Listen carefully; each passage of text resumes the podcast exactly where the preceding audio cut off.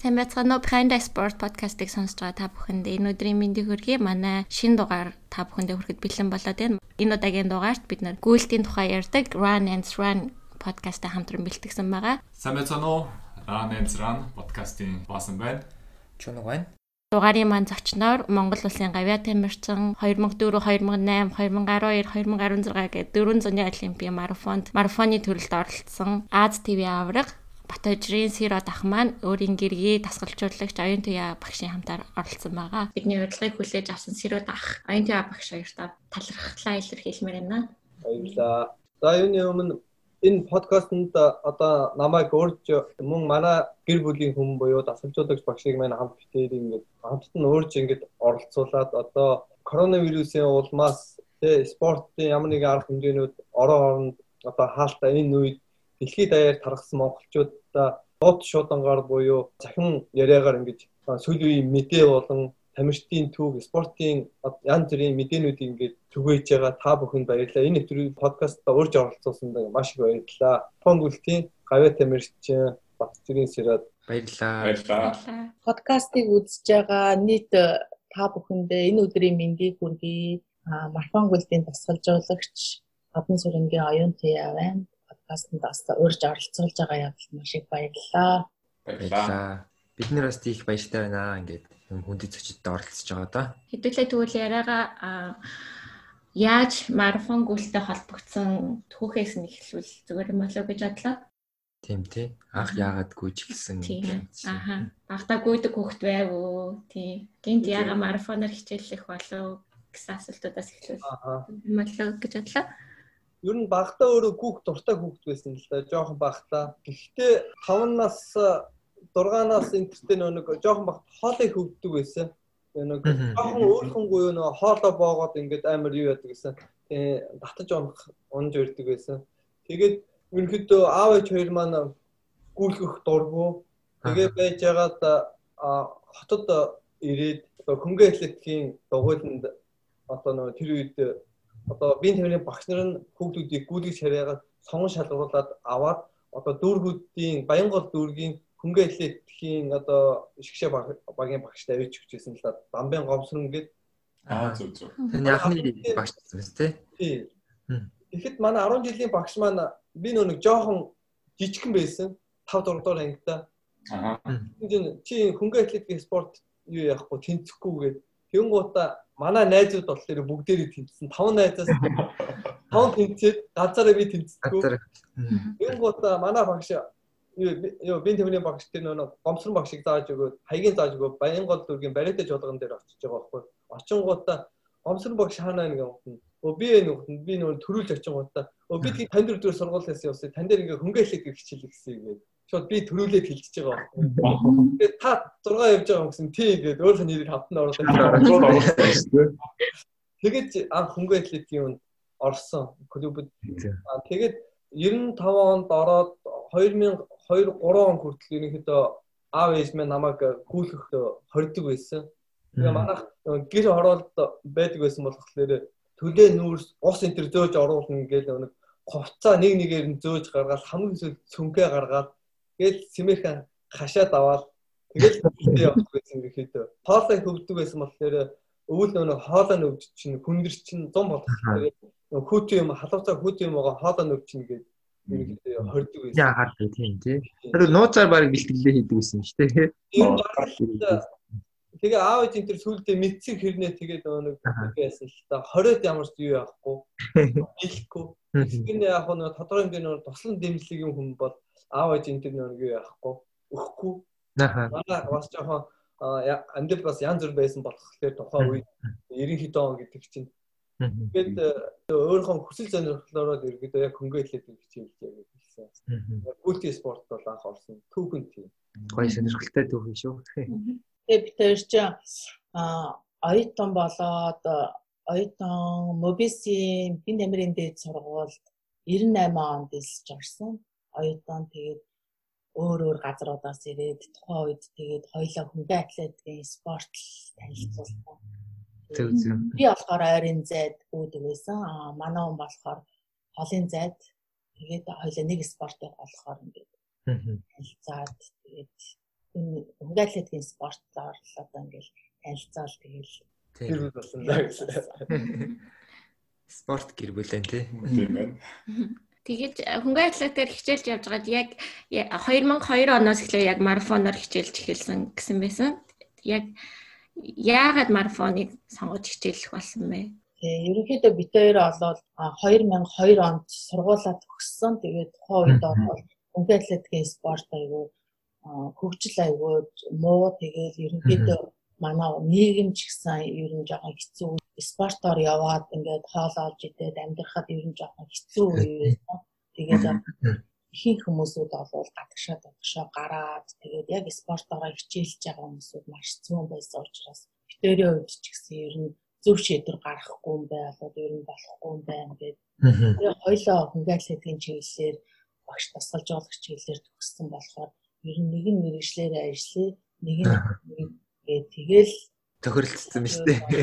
Тэгээд ер нь болоод ойрын зай болоод ер нь жоохон хэцүү байсан.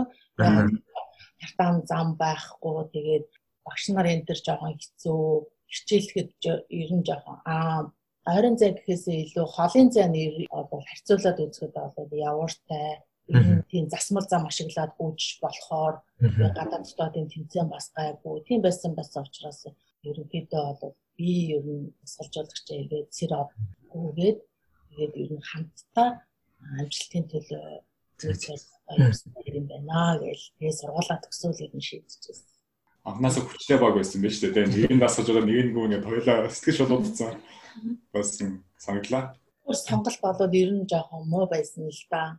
Яг спортын гэр бүл учраас одоо ингээд нэг нь болоод өөр юм хийгээд явах ч юм уу. Тэгэхээр яалтчгүй л ингээд спортоороо явахгүй болоод ер нь болохгүй байна гэл одоо жишээ нь ингээл дэлхийн авраг боллоо гэхэд холын зайгаар сэрод ингээл дэлхийн аврагт ингээд орохоор болчдөг. Тэгээд би болохоор өөр юм хийгээд яваад ээж бас болдгоо.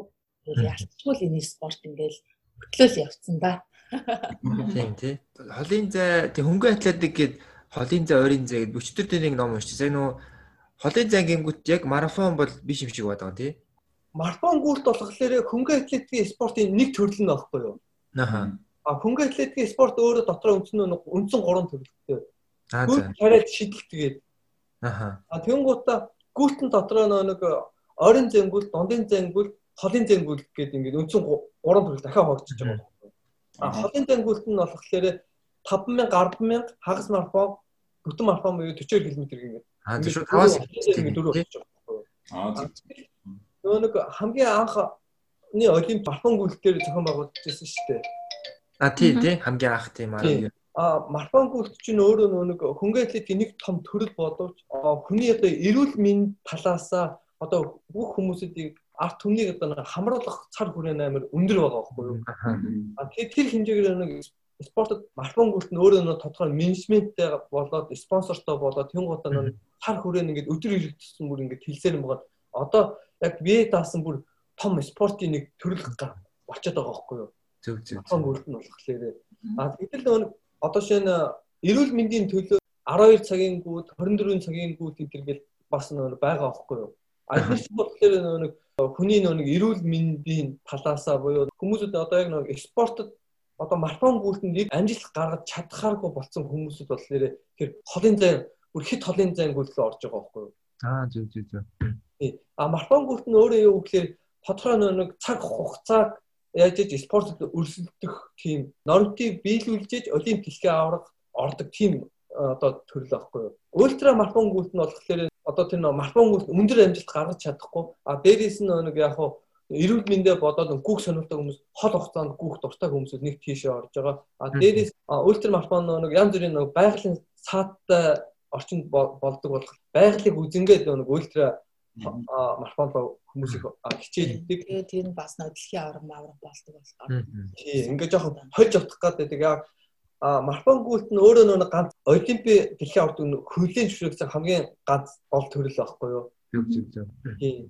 Тэгэхээр тэн дээр бас нэг манай хүмүүс бас холын зам гүйлт гэхлээр та 100 км гүйдгүү 50 км гүйдгүү 12 цаг гүйдгүү инээ тэрэ гэдэг асуудаг л та. Тэгэхээр одоо тэр нэг 100 км гүүх 12 цаг гүүх 24 цаг гүүх бол одоо тэр бол миний дараагийн үе шат гэх юм. Одоо тэр зөвхөн нэг спортоор цагны төлөө яаж цаг цаг сайн гарах уу гэдэг дээр ажиллаж байгаа. Тийм хоёр ялгаа. Гэтэ ер нь марафон гүйлд бол хөнгөн атлетик дотор бол одоохондоо ямар ч байсан холын зайтай харилцаа Олимпийн шалгуур гэснээс нөгөө нэг манай сонс одоо сонсож байгаа хүмүүс олимпиад яг ямар үзүүлэлтүүдийг биелүүлсэн байх юм бол яг марафон гүйлтээр орох орж болд юм бэ?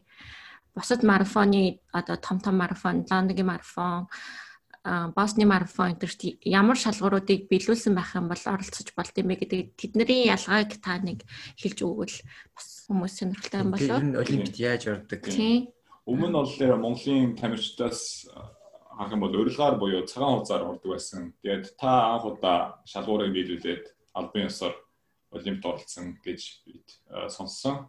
Тийм талаас тийм ярьж өгвөл.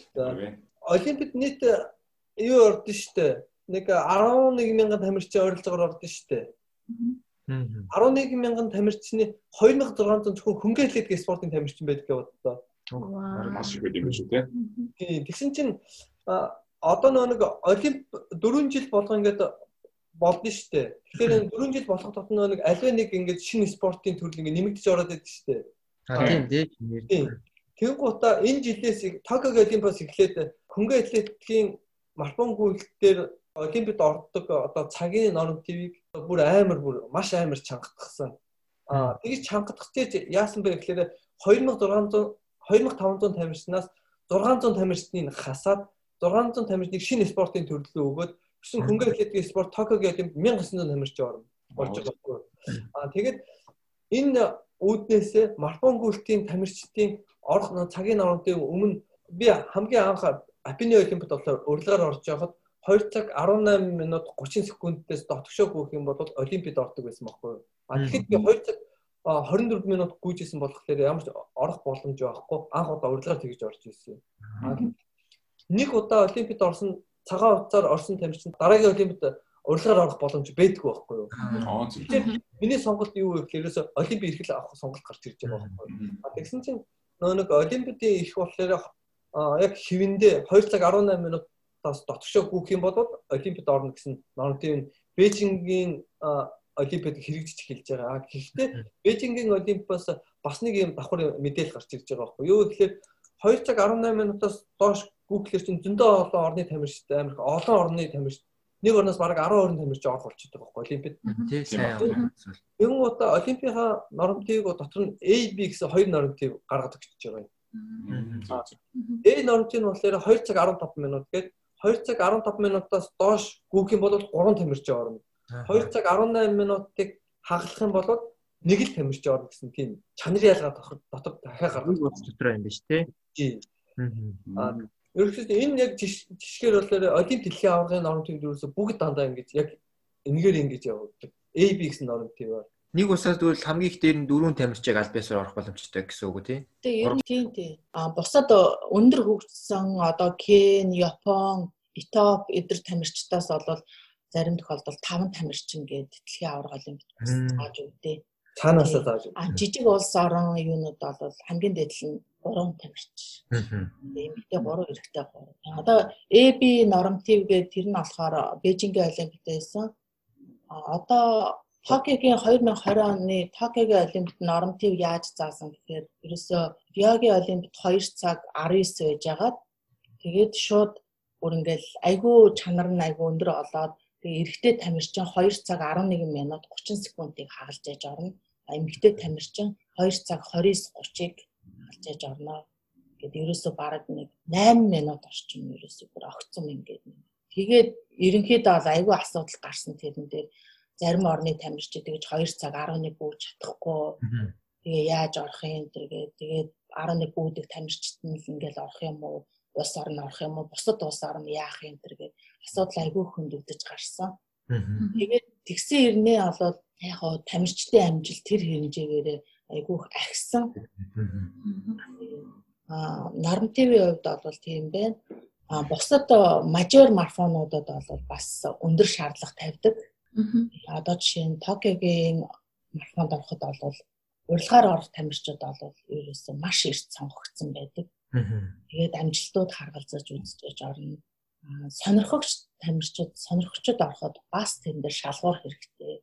Тийм. Тэгээд би гуяа гэд очоод Зарим хүмүүс тийм 10 жил суглаанд ороод тэгээд 10 жилд орсон барсан гэсэн хүмүүс тийм байна. Тийм тийм тийм. Токио марафон хамгийн том марафон шүү дээ. Японы сонирхчид их ордог хамгийн том марафон байна. Тэгэхээр нөө Токиогийн хотод бол одоо Европын зарим орууд Америк төв Европ ингээд нэг марафон гүйлтүүд орж байгаа тамирчид юу яагаад байгаа хэвээр 80 хэд мянган тамирч орлоо 90 хэд мянган тамирч орлоо гэж Аа.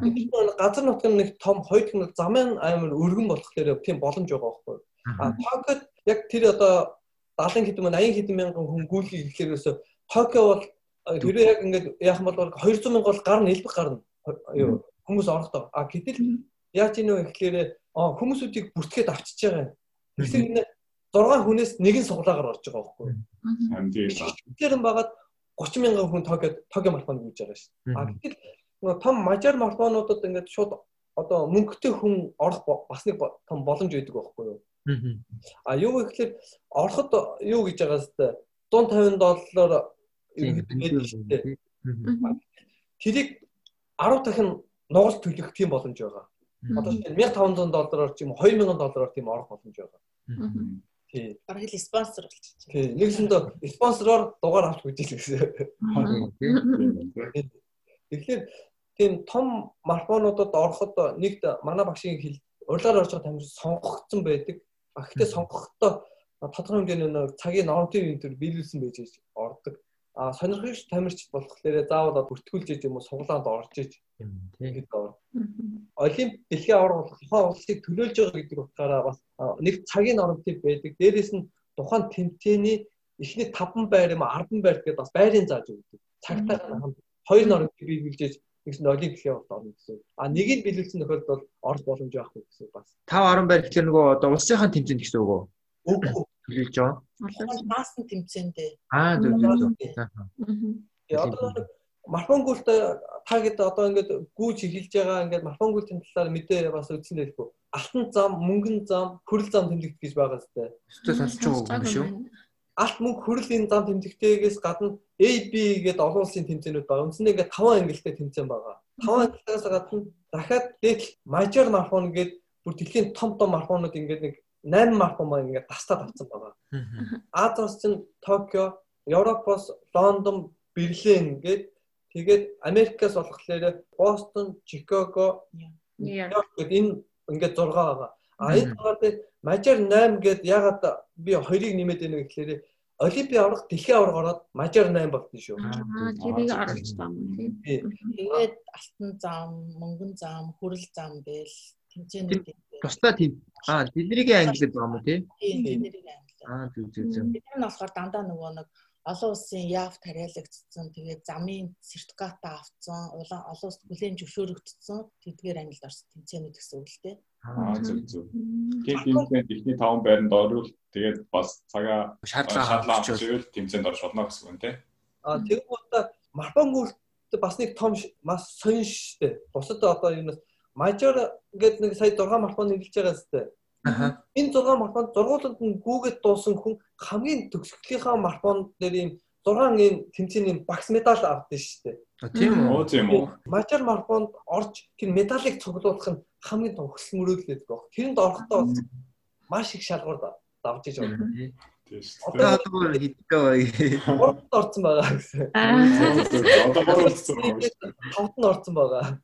Одоо үлдсэн 3 марафонд л байгаа. Америк тийм 3 марафон үлдсэн байгаа. Оо Америкийг тийчээ тэгвэл Америкийг дайлаар мартах нь дээ. Дайлаар нэг гурал ингээд нэг тэмцээ уралдаанд мордлоо дээр орох талаар нэг иймэрхүү. Тийм шүү. Та 2012 оноос марафон хичээж эхлэв. 2 жилийн дараа Афины Олимпиад оролцсон байсан. А тийм 2002 онд тийм 2004 онд Афины Олимпиад оролцсон байсан. Тэгээ хоёрхан жилд ийм бодхоо хугацаанд яаж та ийм их амжилтыг гаргаж чадваа? Нууц нь юу байваа? Ерөөс тухайн үед яг Монголоос өөр нөө нэг юу байгаагүй. Тамирчин яг ингээд олон улсын тэмцээнд ингээд өрсөлдөх тийм тамирчин тэр байгаагүй. Би нөө Хонконгийн стандарт чартад марафон гэдэг нэг жил болгоны 2 сар болдог. Тэр тэмцээнд маш их юу яасан оролцсон. А дээрээс нь 2003 он анх удаа Францын Парис хотод болсон нэг хөнгөн атлетикийн дэлхийн орон шалгалт тэмцээнд ороод юу лээ Монгол улсын 19 баг яг 20 жил болох гэсэн Монгол улсын марафон гүйлтийн рекордыг тэнд шинжилж тогтоогоод тэгээд тэр үеэс яг юу гэмдэ олон улсын дэлхийн хөнгөн атлетикийн холбооны бүртгэлд ороод том том тэмцээнүүдийн нэг юунд хэмдэ одоо хараанд орж ирсэн. Хараанд орно гэдэг нь юусандаа Монгол хүн 2 цаг 26 минут гүйчлээ. Монгол хүн марафон гүйж чаддаг юм байна гэдгийг дэлхийд даяар бас нэг юм юу гэж байгаа мэдээ өгч байгаа юм тий. Тэгж мэдээ өгөөл Монгол дэлхийн олон улсын олимпийн орооноос Монголын олимпийн ороонд болон дэлхийн хөнгөн атлетикаас Монголын хөнгөн атлетикийн холбоонд ингээд Монгол эмэгтэй нэг эрэгтэй нэг ингээд марафон гүйлтэнд ингээд урилгаар орох тийм цагаан утас хоёрыг өгсөн. А тэнд нь нэгэнд нь одоо би ороод нөгөөдөгт нь манай одоо эмэгтэй тамирчин ил отхон баяр маань орж ирсэн. Тэгж л хамгийн анх одоо олимпиад орж ирсэн да. Тийм болохоор 2002-оос хүйж гэхэл нэг жилийн дараа л шууд яасан байж тээ. 2026-аар үүсэн юм байна шүү дээ. Хатын зайд төсвөртэй сайн одоо тисч гүйж чаддаг байсан учраас л тухайн тэмцээнийг ингээд сайн цагаар ингээд өндөр даваад гараад ирсэн. Тэгээд дараа дараагийн тэмцээн уралдаандаа бэлтгэл сургуультаа арай өөрөөр хийгээд тэгээд сайжирч байсан. Тийм тийм. Тэгээд тэрнээс олвол хэр аргийн хүн тэгэл тэр хол зайд ингээд ийм богино хугацаанд бас гүгээд чинь гэж бас хэцүүлтэй. Одоо та хоёр маань Японд байгаа тий. Тэгээд Сиро дахын амжилтуудыг яг хувийн personal best гэд хувийн одоо амжилтуудыг харсан чинь дандаа Японд тогтоосон амжилтууд байсан. Тэгээд би тэгэд бас харж агаад Япон бас их ээлтэй байд юм болоо да гэж бодсоо. Одоо ч гэсэн ингээд Японы клуб тариалагдаад бэлтгэл сургуультаа хийгээ байж байгаа. Ийм тухайга та бас бидэд сонирхуулж ярил. Тий, эхлээд анх одоо өөрийнхөө хувийн амжилтуудыг ерөнхийдөө Европ твүүдээр их Европын тэмцээнүүдэд их эвдэж хэлж ийсэн. Хамгийн анх 2010 онд миний хамгийн анхны мажор марафон, Берлиний марафон 2 цаг 12:42 гэж 10 дугаар байрт орж исэн. Аа зөв. Тэгээд тэрний дараа жил 11 онд нэг олимпик авах гээд Лондон марафонд 2 цаг 11:35 гүгээд марафон гүйлт рекордыг эвдсэн. Аа тэгээд тэрнээс хойш ерөөсөн марафон гүйлтийн одоо Лондонгийн марафон 9 дугаар байрт орсон. Одоо нөө топ 10-т орсон. Тэрний дараагаас нөө нэг юу яасан. Японод одоо Японы тэмцээн уралдаанд их сонирхож эхэлсэн л дээ. Аа тэгээд Японы тэмцээн уралдаанд руу ороод яасан чинь илүү их нэг болон нөхцөл арай өөр. Европын цаг агаар чинь хоол унд Монгол хүн тохирохгүй болж эхэлж байгаа байхгүй юу? Арай өөр цагийн төрөнд гарч тэгээд тэгээд хятад гэхлээр хятад бас арай бас манай Монгол бас арай өөр болчиход байгаа байхгүй. Цаг агаар хоолны унд Япон руу тэмцээн уралдаанд ороод ирсэн чинь Японы нэг цаг агаар болон хоол унд нь арай нөө нэг эрүүл мэнд тал руугаа арай өөр болж эхэлж байгаа байхгүй юу. Тэгээд ерөнхийдөө Японд тэмцээн урлаанд ороод ирсэн чинь амжилтууд аяндаа ингээд өөрөө ингээд эвдэгдээд ингээд олон нөхцөл амар бүрдэж гарч ирсэн. Тэгээд ан дээрэс нь Японы марафон гүйлтийн тэмцээн уралдаан а ямар ч олон улсын тэмцээн уралдаан олимп дэлхийн аварга болдог дайны зохион байгуулалт маш өндөр бол. А бусад орнууд болохоор яг хөө ингээд зохион байгуулалт хийдэг ингээд болж байгаа ч гэсэн бас энгийн одоо сонирхогч хүмүүс энэ төр тамир одоо мэрэгжлийн тамирч энэ төр ингээд одоо мэдээ авах ч юм янз бүрийн юмнууд ингээ бас жоохон хүндрэл бас гардаг. Гэтэл Японд болохоор тийм ерөөсөө байдгүй. Ерөөсөө энгийн хүмүүсүүд ингээд бүх юм зохион байгуулалт өндөр ямар ч хүн ингээд туслаад хэмжээд өгчдөг. Тэр талаараа тамирчинд ямар ч стресс байхгүй. Тамирчин хүн ингээд тэмцээний өмнө мэдгүй юм гараад ирэл одоо сандрал бий болно. Янз бүрийн асуудлаас гарч ирж шүү. Тэгэхээр Японд л тийм юм байхгүй болоод тэгэхээр тамирчин хүн уралдах, амжилт гаргах нь арай өөр болж ирсэн л дээ. Тэгээд тэр үднээсээ Японд Хопу Ямуурийн марафонд анх төрүүлж эхэлсэн. Яг тэр нь төрүүлээд тэгээд ерөнхийдөө Японы тамирчид болон Японы багш тасгалжуулагч гээ өөрийн гэсэн Японыг одоо тэр Ямагучи мужидын тэр хөгжийн дэмжигч энтертэй болж ингэж фэйк клуб болсон биш үү? Тэгж л ерөнхийдөө Японд ерөнхийдөө яг марафон гүйлтийн гараагаа бол эхэлсэн. Японд бас таньж мэдэхгүй, да ялангуяа Япон марафон гүйлтээр хичээлдэг хүмүүсүүд бол ер нь баг танихгүй гэж баг байхгүй. Бидээрч баг өөрсдөө танихгүй хүмүүсүүд ирээл тэмцээн оролдоон дээр өө бат очрын сэр одоо энэ станерэ ийм хүн байдсан бэ. Одоо ингэж харж ийн. Тэгээд зургатаар л харж исэн гэл Япончууд айгүйхтэй гэж баяр хүргэдэг. Тэгэхээр ер нь бол Японд те марафон гүйлд ямар өндөр хөгжсөн тэгээд хүмүүсүүд нь ямар их ингээд сэтгэл гаргаж ингэж үздэг өөрсдөө бас ингээд хичээлдэг тийм болох нь ингээд айгүй харагддаг. Тийм шүү дээ. Японд нөгөө гүүг явж байгаа гэсэндээ бараг нутгийн хүмүүс нь хажууд ингээд ус мус барьцсан зогсож байдаг. Тий. Би ингээд олон улсын тэмцээнд ингээд Японд ингээд том тэмцээнүүд орохгүй байж байгаа гэхээр ингээд мэдээгүүдээр телевиз дээр цацдсан шүү дээ. Одоо тэр орны тэр тамирчин одоо энэ тэмцээнд ингээд Кокогийн марафоныг урлагийн тамирчин тэргээл телевизээр ингээд нэрүүд цацаал энэ жоо одоо богинохон хэдэн секунд ингээд нэг бичлэг шүү дээ. Тэгээд ингээд Япон хүмүүсэд ингээд харахлаар ингээд бичгийн цаасан дээр хөөхөө Монгол улсын далбаа ингээд хевлээд ингээд амбар ингээд байрсан. Үрт амар их ингээд юу яаж байгаа юм. Япон Монгол Япон Монгол ингээд холилдоод ингээд далбаануудыг барьсан. Тий ингэж ялахгүй яг л ингээл хоёр талаа ингээл дэмжээл ингэж байгаа гээл. Тэр хафу ямөөрэ гэдэг марафон дээр л айгүйх тэгж гарч ирсэн. Тэгээд Сиродын хувьд тэр марафонд айгүй олон орж исэн. Тэгээд удаа дараа төрүүлж исэн болохоор тэр авийнхан болоо бүр илүү сайн мэддэг. Сэтгэл зүйн хувьд ч гэсэн тэр чинь бас их дэмжлэг болж байгаа бах тий. Тэр марафонд чинь одоо төрөл гэж бас амар бас юм сонь түүхтэй л гэсэн. Анх одоо ороод 6 дугаар байрт ороод дараа нь 7 дугаар байрт ороод тэгээд нэг тухайн тэмцээний газар тэгж байгаа байхгүй юу? Одоо талигаач болцсон манай сата өвөө гэдэг нэг өвөө битээр тус тэмцээн хурлаанд оруулж авах тэр нь холбож өгсөн. Аа. Тэр өвөөд тэр нэг тэмцээний газар гэсэн. Энэ Монгол тамирчны ингээд урьж оролцууллаа. Тэгээ эхний ингээд 2 жил дээр ингээд 6 дугаар 7 дугаар байрт орлоо. Ерөөсөө эхний гуравт орсонгүй. Энэ жил ингээд энэ жил ихлэ болио гэсэн манай Гүй наа чи ингээд бэлтгэл сургалт юм хүм мэдхгүй одоо наа чи ингээд гүйс урч энэ жил бол хэвээр та нар харж байгаараа манай хүү төрөөлнө гэдэг. Тэгээд юу өвөө тэгж байгаа байхгүй тэр манай өвөө Басэр одоо энэ жил миний хүүгийн бараг эцсийнх байх шүү өстой. Нэр энэ жил хэрвээ ядаж эхний гуравт орохгүй юм бол бараг дараа жил ингээд энэ Японы тэмцээнд орж чадхааргүй юм байх шүү гэж тэгж байгаа. Тэгээ бид хоёр яг тэг жилээ 10 онд нөгөө Берлиний марафонд 10 дугаар байрт орсон бэлтгэл ус сургалт сайн байсан. Юмаа мэддэг болсон байсан. Тэгээ тэр тэмцээнд өмнө 2 удаа ороод алдаагаа олоод авцсан. Тэгээ гурав дахь дээр ямар юм алдаа гарах ирэхгүй тийм тэмцээн бол таарсан. Тэгээд тэр тэмцээнд сүүлдээ юу яагаад 30 км-ээс ганцаараа тасарч яваад төрүүлээд тэгээд тэр одоо тэр тэмцээн зохион байгуулж байгаа зэрэг бөөм баяр болоод тэр хөгжөөний дэмжигч бий болоод дараа жил дахиад өөрөөд тэгэж танигдсан. Тийм биш үү. Таны өөр дусамжтай байсан марафон ч юм олон улсын тэмцээн ямар тэмцээнүүд байна? Тэр талаараа бас зүгөөч. Япон Европт ингээ зөндөө тий марафонд ингээ оролцоо тэмцээн оролцоонд ороод тэр дундаасаа тий яг одоо сайн шиг ч юм уу яг өөртөө тийм нэг хамгийн дурсамжтай болсон гэж бодож байгаа тийм марафоноос байвал олон марафонуудад ер нь анхдагч марафонд орохоор айгүй тийм дурсгалтай байд юм билэ. Тэгээ Сиродод болохоор анхдагч марафон гэхээр Английн Brighton гээд марафоны хамгийн анхны тэмцээнд нь ороод тэгээд хамгийн анхны ялагч болоод байжсэн. Одоо тэгээд сая 10 жилийн хойг хийхдээ сиродыг урилгаар ирж оролцооч ээ. Даанч ингээд очиж чадаагүй.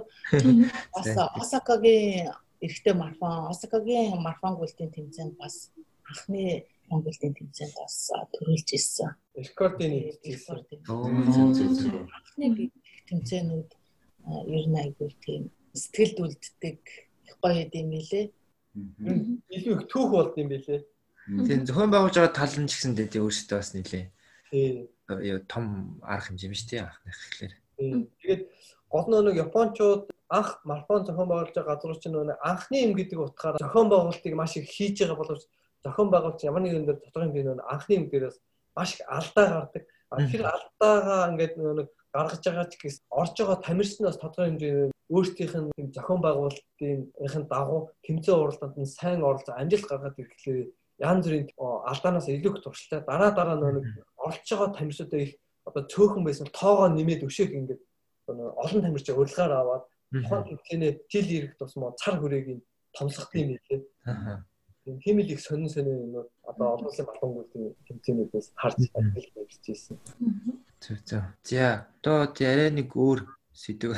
Тийм дасгалжуулагч багш байгаа болохоор энэ талаас тийм бас асууя гэж. Одоо тамирчин гэдэгээс гадна тий өөрөө тийм дасгалжуулагч мэрэгчлээ байхын тийм давуу талыг та юу гэж бодож байна?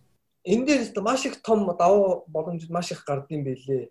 Яагаад гэхээр одоо нь би өөрөө хэрвээ хөнгө атлетийн сургалт дасгалжуулагчаар төгсөөгүй спортын ямар ч мэдлэггүй байсан бол өнөөдөр ингэж 39 нас хүртэл ингээ марафон гүйлтэнд ингэж удаан хугацаанд энэ өндөр амжилт юм уу одоо нэг биеийн формыг хадгална гэдэг үг үнэхээр бүтшгүй асуудал л та.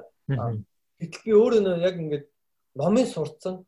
Тэгсэг хэрнээ өөрөө тэрийг ингээд биеэрээ мэд он парт хоёрын хооронд ингээд хавсраад нэг оргиглөө авчиж байгаа болохоор одоо юу хэмдэ практикийнхаа алдаа юм уу янз бүрийн юм хлээ ан дээр нэмжийлээ гэдэг онол талаасаа ингэсэн шүү тэгсэн шүү тэгээ нөгөө хоёр хооронд нь уйлдуулаа явуулаад ахлахээр амжилт нь хүрэх аль болох бага алдаа гаргах эрүүл мэнд талаасаа сургууль дасгалжуулалт талаасаа бүх юм ингээд төлөвлөөд ингээд уйлдаа холбож чадхлахээр өндөр хугацаанд тэмцээн уралдаанд орох форм гэж удаан хугацаанд хадгалж чаддаг тийм том давуу талууд бол зөндөө идэв лээ.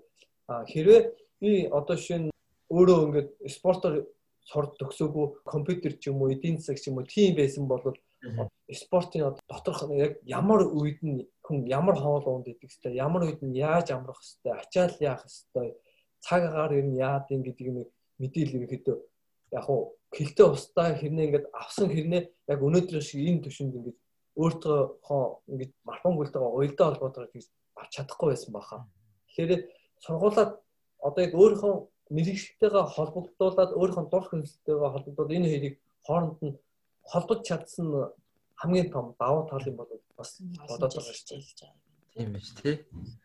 Одоо шинэ та хэд ингэж байгаа хэвээр гүүгээд ингээд марафон гүйлт ингээд сонирхох гүөх дуртай гэдэг ингээд гүйж байгаа хэрнээ яг марафон гүйлтийн одоо хүний биеийн спортын физиологи ч юм уу спортын ангаах ухаан гэдэг ингээр мэдлэг юм хүн баахгүй болоод эхэлж байгаа зү. Хоол ундны асуудал энэ гэдэг. Тийм шүү. Нэг одоо шинэ та хэд марафон гүйлэнд 3 цаг 40 минут энэ төр гүйжсэн гэж тэгж штэ. Хэрэг одоо шинэ спортын физиологи юм уу одоо энэ талын юм жоохон мэдлэгтэй болоод эхлэх юм бол та хэд 3 цаг 40 минут гүйх биш. Та хэд яаж 3 цаг хагалах вэ гэдэг дээр та хэд ингэж явж байгаа. Юм. Тэгэхээр энэ хоёрын хооронд амар зөрөө ялгаа гараад хэлж байгаа. Аа зөв зөв. Тийм учраас бас би одоо ингээд баг тамирчтай бас хэлдэг байхгүй. Ерөнхийдөө зарим нь оюутан сурж байгаа. Тэгэл зарим нь ингээд сургуулиасаа чөлөө энэ төр аваад бэлтгэл хийж байгаа гээл ерөнхийдөө миний хувьд бол аль болох хичээлдээ суу завцаа гаргаад суу сонс гэж бол ерөнхийдөө хэлдэг. Тэгээ харахгүй тийм бас чухал. Тийм. Оюутан багшаасаа бас жоохон асуумаар байна л да. Одоо гүйтний спорт одоо хүчжийн шинжлэх ухаанд гарч буй шинэ онолт амжилтууд бас гарч ийн гэж бодож байна. Тэр амжилтуудыг яаж сурч бэлтгэрдээ уялдуулж байгаа вэ?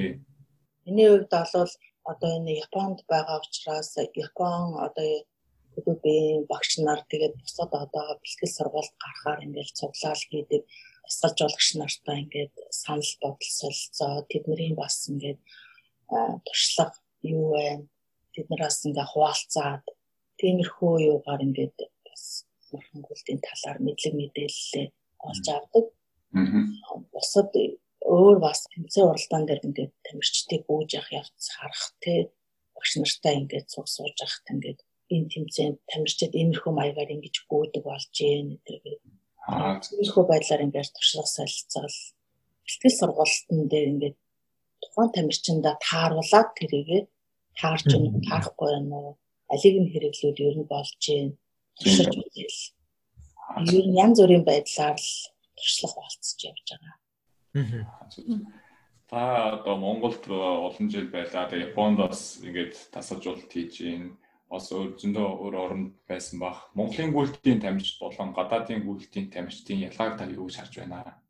Ялгаа нь бол Монголын тамирчид илүү их чадвартай аливаа юмд насан зохицох чадвар айгүй сайтай. Чадвартай айгүй сайн харагддаг шүү дээ. Тэгэхээр тийм учраас манай Монгол тамирчид ер нь бол амжилт гарах өрөө үндэстэй ер нь одоо боломжтой гэж боддог гой сонсогдож шүү. Урам авч байна. Япон тамирчид энэ төр ингээл харж байхдаа бол ерөнхийдөө те аягүй цөөхөн жил хичээлж гин 5 10 жил хичээлж гин зарим бүр 5 10 жилч гарч ирэхгүй нэг 2 3 жил энэ төр хичээллээ нэг тэмцээнд ч юм өндөр амжилт гаргаал тэгэл зал дараа дараагийн тэмцээнд ингээл амжилтгүй болоод ирэхээр болох ч юм уу. Тэр нь бол яг зарим сургалт цэцгэлжуулагч ч юм уу тухайн тамирчнаас шалтгаалж байгаа хах л Тэгээд хэд бол дийлэнх нь бол яалтчгүй Монгол тамирчин илүү харагдаад байгаа тийм учраас бол Монгол тамирчид илүү өндөр амжилт гарах магадлалтай боломжтой гэж боддог. Сайхан сонсогдож байна шүү. Үүнд Монголын соёл аж ахуй нөлөөлдөг болоо жишээлбэл багтаа хүмүүс чинь ингээд хөл нөцгөн хондоо гардаг ч юм уу? Тиймэрхүү бас Монголын тийм нөхцөл байдал нөлөөлт юм байж болгож бод. Ерөнхийдөө манай хүнтэй атлетикч гэлтэхгүй бусад спортын төрлөөч гэсэн айл болох амирчид энэ төр хөдөөнөөс ингээл бэртаа хүүхдүүд ч юм уу унган бэртаа ч юм уу ингээл тэднэртэй адилхан бас ингээл хөдөө ингээ гүүж хараадаг байгаа л ингээл хонь ургандаа яваал ингээл байн гүүж хараадаг тийм хүмүүс ер нь бол шал өөр байдаг. Гүүх дор сонирхолтой. Тэгээд тэрийг ингээд тэр чинээгээр өөрөө ингээд энэ дор сонирхлынхаа дагуу амжилт гаргах юмсан гэдэг хүсэл эрмэлзэл нь маш өндөр байдаг учраас тийм тэр нь бол бас их давуу тал. Одоо энэ хөнгө атлетикийн Монгол ах үйтэй ингээд уялдаа холбоотой байсан учраас Монголын одоо ямар ч спортын төрлийн тамирчид өнөөдөр дэлхийд бас гарч ирээд байна л та. А гэхдээ одоо сүүлийн үед болохоор манай одоо энэ сургалтын систем жоохон буруу яваад байгаа юм. Одоо нэг 10 жил ерөнхий болсон систем байна. Энэ нэг зам талбайгүй болоод одоо хөнгө атлетикийн хичээл намайг одоо 1-р ангиас бараг 10 төгс 10 дугаар ангиа төгсөн төгсөл одоо нөгөө хөнгө атлетикийн хичээл ордог байсан. Одоо болохоор намайг их сургуульд ороод ерөнхийдөө тэрнээс хойш гэж 2000 2001 2 оноос ер нь хөнгө атлетикийн хичээлийг ерөнхийдөө 10 жилийн сургалтын хөлтөөс баг баг хасаа хийцэн. А зөвхөн нөө нэг намрын спирткад гэл хаяа нэг тэмцээн урлаа зохион байгуулдаг. А тэгээд одоо хөнгө одоо 10 жилийн биеийн тамирын хичээл дээр юу орж ийнэ гэхээр сахис юм уу болиол ороод байгаа байхгүй юу? Харин тийм шүү тий. Одоо шинэ Тагс волейбол ер нь бүх спортын хамгийн анхны үндсэн суурь нь болохоор хөнгө атлетик гимнастик хоёр байдаг байхгүй юу? Хөнгө атлетик гимнастик хоёроор одоо 10 жилийн хүүхдүүд бүгд ингэ хичээлээ сурсан тохиол бусад спортын төрлөлөө одоо ороод ур чадвар гарах нь маш өндөр. Дээрээс нь одоо суурийн зөв тавиад өгч тохиол хүүхдүүд цаашаа өөртөө хөгжих нь хамаагүй өндөр байдаг. А Японы сургалтын систем болохоор ерөөсө хөнгө атлетикийн хичээл бол ерөөсө байнгын 10 дугаар ахлага ингээ төгсөн төгсөл хөнгө атлетик хичээл байдаг болохоор эдгээр нэг нэг бусад спортын төрөлд өндөр амжилт гаргаж байна. Гүрт спортын дээр бас өндөр амжилт гаргаж бүгдээрээ бүх нийтээрээ гүйж байна. Хамгийн нэг том жишээ гэх юм бол дэлхийн том том одоо хөл бөмбөгийн багууд байна, саксны багууд байна. Эдгээр ганцхан сагсан бөмбөгөө тоглоод ганц хөл бөмбөгөө тоглолтгүй. Яагаад тэгэхээр эднийг мэрэгжлийн баг болоод мэрэгжлийн босон ч гэсэн 7 хоног нэг юм уу хоёр удаа хөнгө атлетикийн хурд хүчний тусгай тийм бэлтгэл заавал тэднэрт орж өгдөг байхгүй юу? А манайхан болохоор сагсыг зөвхөн бөмбөгөө тоглоод байвал ерөөхдөө сагс тоглож юм байна. Хөл бөмбөгөө өшгөлөөд байвал болчих юм байна гэдэг хөнгө атлетик авч хаяад байгаа байхгүй юу? А гэтэл одоо энэ том том мэрэгжлийн тамирчид хувийн дасгалжуулагч гэж байдаг шүү дээ.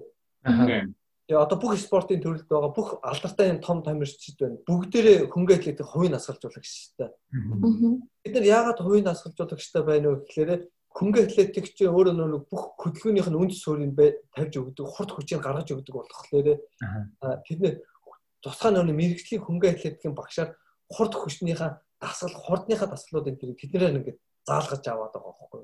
Тэгээд тусдаа тийм хурд хүчтэй болцсон хүмүүс чинь өөрийнхөө нөгөө мэрэгжлийнхаа юмтай холбох нь хамаагүй хурдан болчихж байгаа.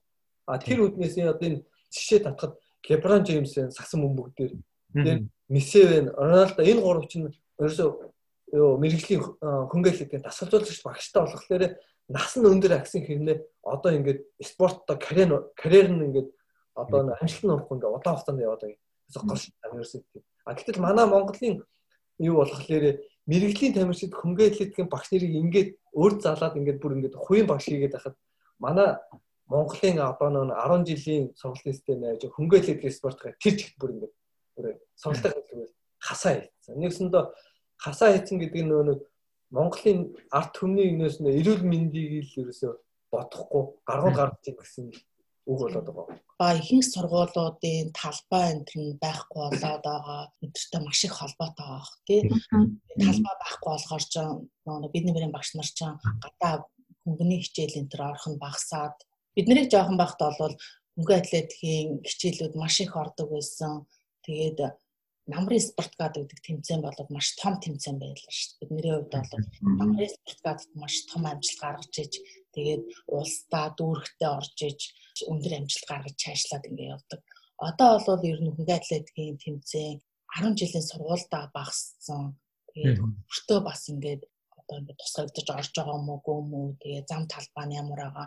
Тиймэрхүү асуудлаа маш их сайн шийдэж ингээд багаас нь хүүхдүүдээ ингэж бэлдэх юм бол суур спорт гэдэг хөнгө атлетик, гимнастикийг маш сайн хөгжүүлэх юм бол манай Монгол улсад спорт гэдэг маш том өндөр цаар хүрээтэй гоё хөгжих баха гэж бодсон. Тэр яарахгүй тийм шүү дээ. Бид нэр жоохон баг гадаа нэг гүйлэгдэг. Гэтэ тэр талбайнууд нь одоо бол баг нөгөө гадаадын талбайд оронд нь өөр барилга барилга барьчихсан. Тэгээ харагдаад байна. Манай бусад төрлийн спортын төрлүүд энэ төр бол ингээд хамт ингээд тааралдаад бэлтгэл сургалт хийх ч юм уу эсвэл ингээд чат матаар ингээд холбогдоод зарим нь ингээд асууж масуудаг л да ингээд тамирчтай тий одоо шгшээгийн тамирчтай ингээд гүйлтийн спортыг гүйлтэг гүйлтийн спортоор хичээлүүлэх гэсэн юм аа ингээд яаж ингэж гүйлтээр яах вэ тэр чинь цаанаа ингээд тамирчид хичнээн одоо жишээ нь боксинг тамирчид ч юм уу ингээд хөл дээрээсээ ажиллах хэрэгтэй байдаг тийм ажиллуулганд бол гүйлт гэдэг юм ямар чухал гэдгийг ингээд бүр ингээд тамирчин болоод ирсэн байна багш нар нь ингээд авахгүй тий. Тэр ингээд бүр багаас нь ингээд уяагаад бол тухайн тамирч өндөр амжилт гаргах магадлал нь бүр илүү л олж яана л гэсэн. Одоо тийм тамирчид бас байна л да. Тийм бисдэж одоо бүхийнхэн байна, боксынхын энэ төр одоо ингээд хөнгөнөөр бас ингээд давхар ингээд гүйлтээр хичээллээд өөрийнхөө спорттой ингэж амжилт гаргаж явж байна. Одоо энэ боксing нэг тамирчин байгаа л да. Мөнх эрдэнэ шүү дээ. Аа. Тийм. 10 10 он баха. Азийн наадмаас алт аваад дараа нь Лондонгоос мөнгө авсан шүү дээ. Тэрний өмнө 2 3 жилийн өмнө мөнх эрдэнэ боксынхын чинь жодохийн тэр чинь нэг 7 нотоо нэг удаа кросс гүйлт хийдэг байхгүй. Спортын төвөөс гараад угшаа нэг марш их тэнгэрийн амаараа боцдог байхгүй юу? Мөнх эрд нь болохоор юу яадаг байсан надад хэлээд сэрото би ингээд гайгүй гүйс сурмаар байна. Гүйхгүй бол хөл дээр юу н ажил болохгүй байна гэд. Чи надад туслаач гэд тэгээд би одоо ингээд танах кросс хийдэг хэр байна гэсэн чинь би ерөнхийдөө яг төрүүлж чадахгүй сүүлд нь орох яг дунд авчаал би гоё ингээд боксоос ингээд төрүүлмээр байна би тасраа төрүүлдэг болмоор байна. Тэгээд би мөнхөрднийг 14 хоног өглөө эртдээр уулзаад тэгээ хамт дагуулж гүгээд юмнуу зааж өгдөг байсан шүү дээ. Тэгээ мөнхөрд нь өглөө бид 6 цагт уулзсан шүүгээд цаг тохирчоод тэгээд би нэг 5:55 гээл яг нөгөө газараа ингээл очиод ингээл юу яаж яхад мөнхөрд нь бүр 10 минутын өмнө ирсэн би мээ халаацсан бүр ингээд амар хөдөлмөрч тэгээд туралд мөнхөрд нь култи спортыг нэгт мэддэг болсон. Хоёр хүмүүс маш сайн гүйж сурсан. Одоо л боксийн дундаа мөн хэрдний гүйцэтгэх хүн ер нь нэгч байхгүй шүү. Тийм болохоор мөн хэрдэн олон жил олон жил удаан хугацаанд форма хадгалж маш олон тэмцээнд амжилтаа оролцсон. Би бас бахархтай 14 хоног юу хөнгө атлетикийн тухай ингээд заагаад гүйсэн ч гэсэн ингээд нэг юм одоо бүр 100% юм хэлж өгөөгүй гэсэн тодорхой юм заагаад өгсөн. Гэтэл миний тэр заасан жоохон юм өөр төрийг хэрэгжүүлээ бүр өөрийнхөө тэр нэг хүсэл мөрөөдлийг бас биелүүлсэн байгаа байхгүй. Тэнд мөнгөд маш их байв. Тэгэхээр хөнгө атлетик гэдэг чинь тэгэхээр бүх спорт ерөөсө хэрэгтэй хаа бэлтгэлийн талаар ярихад ер нь дасгалжуулагчтай бэлтгэлийг дасгалжуулагч уу бэлтгэл хоёрын ялгаа нь юу гэдэг юм болоо. Өөрөө бэлтгэх. Тийм өөрөө бэлтгэх. Дасгалжуулагч бэлтгэх юм одоо юу штэ зарим бэлтгэлээр юу дасгалжуулагч багш байхгүй штэ одоо нөгөө корос гүйл зөөлөн гүйл мүлтэй үед бид тэгэд ингээл багшаасаа төлөвлөгөөг аваад за ийм бэлтгэл хийх юм ингээл гараа явчихна а нөгөө нэг чухал чухал нөгөө хурдны бэлтгэл янз бүрийн бэлтгэлүүд штэ тийм дээрс нөгөө багш яг ингээд өөрөө нүдэрээ харж байгаа цагаа дараад гүйлт болохгүй байна уу юу нь болохгүй байна зас чилэн ядраад жоохон замдаа жоохон наано цаана болох юм бол загнан Тэгээд ядраад болоход амрааж байгаа дахиад явуулах уу гэдгээс яг багш тухайн үед нөгөө нэг нүдэрээ харж байгаа бүх юмыг бас ингэ зохицуул тааруулж байна. Тэгэхээр багштай хийн гэдэг бол үнэхээр бас маш их том давуу тал. Яагаад тэгэхээр а би ингэх юм бол энэ нэг хүн байгаа шүү гэдэг намайг бас хүн бас харж байгаа шүү гэдэг нэг байгаа. Хоёр юм бол би энэ багшийн уран бүтээл шүү гэдэг талаас бас харах. Хэрвээ би бэлтгэлээ маш сайн ингээ амжилт гарахгүй бол энэ багш надтай ингээд өглөө өдөр орой ингээд халуун хүүд нь хамт ингээд байсан хэрнээ тамирчинд амжилт гарахгүй бол нэгсэндээ нэг хүний өөр ажил хийгээ амжилт гарах хайран алтан цагийн би шал дэмий бас үрс таарах болчиход байгаа. Тэгэхээр хүн бас тэр багштайгаа хамт бэлтгэл хийх бас ботгол асуудал. Ягаад тэгэхээр би нэр өөрийнхөө төлөө биш шүү. Би маш олон юмны төлөө би явж байгаа юм биш үү гэдэг. Толгойд нь бас нэг жоохон дохио байнга ингээд өгч тэр хүнийг бас уран зориг оруулж ийн гэсэн үг л дээ. Багштай Тийм таны бэлтгэл гэж ярьснаас яг нэг таны нэг өдөр ямар хуу өнгөрдөг вэ? Та хоёрын гэх юм уу дасгалжуулагчийн хувьд тамирчны хувьд та хоёрын нэг өдөр яг ямар хуу өнгөрч байна? Заримдаа юу яд штэ би чинь баг айлын том хөнгөчийг байна. Заримдаа чи буудалд байгаа мó чи чи босс юмаа хий. Тэндээ гарна штэ. Яг өглөөрт босоод бэлгэлдээ гараад орж ирэл усанд ороод цай уугаад тэгэл унтаал дахиж босоод бэлгэлдээ гараад орж ирэл усанд ороод хоол идэл унтаал тэгэл орой орчин заримдаа тэгэл дахиад бэлтгэл хийхээр дахиад орой бэлтгэл хийгээд орж ирээ усанд ороод орой хоол идэл тэгээд орой орчин. Ихэд жоох уйтгартай юм шиг ер нь тамирчтай амьдрал ер нь жоохон хэцүү шүү дээ. Хамаг юмнасаа татгалзчдаг тий. Жишээ нь хоол ундаа идэл амарч чадахгүй бол дараагийн бэлтгэл ямар ч хийх боломжгүй ачаал даах чадвар байхгүй болчихно. Тийм учраас дараагийнхаа бэлтгэлийг сайн хийх тул заавал амрах хэрэгтэй. Тэрийн нэг өдөр олоод ерөнхийдөө тэгэл босоол цай ундаа уугаал бэлтгэлдээ гараад орж ирэл цай ундаа уугаал амраал дахиад эргээл бэлтгэлдээ гарах. Ийм тиймэрхүү маягаар би оройдоо жоохон цаг зав гарна тэгэл тэрнгээр чөлөө цагаараа өөрийнхөө сонирхсан юмнуудаа хийж байгаа л. Тийм. Сонсоод ер нь тийм 7 хоног тэгэхээр өдөрт баг 2 3 удаа бэлтгэл байж гэн орой бас бэлтгэлийг пад гэж юм. Ер нь 7 хоног тэгэхээр хоол гүдийн бас нойроо яаж авдаг байна. Тэр талаараас нь хоолоос тийм хоол яаж зохицуулж байна. Лөө жоон тийм үнсээ яг юм бол хоол болохлээр аль болох өөрийнх нь нэг ходоод гэдс те хүн хүний өөрийнх нь онцлог гэж байгаа шүү дээ. Аа. Хоол биш. Тэгээд таарал аль болох тийм нэг одоо шин хурц тийм хоол арай баг хоол баг.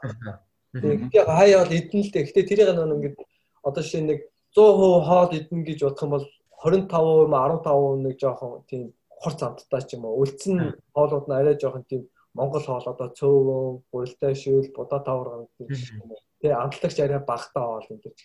Хэд болоод бас тухайн өдөр хийж байгаа бэлтгэл энтрээсээ бас бас тийм тийм ачаалтаа бэлтгэл энэ төр хийлээ гэхэд заримдаа бас ингээл тамирчид ингээл хоол арахгүй байна гээл тий тэгэхэд тухайн үед бол жоохон ясны шүл ч юм уу шүл гаргасан. Тэгээ жоохон тижэл олчих тиймэрхүү хоол ч юм уу тий тухайн үеийнхаа бэлтгэл сургуульд тиймэрхүү биеийн байдлын интерес олоод хувьд ямар хоол яах вэ гэж сонгоол хийждэг шүү дээ.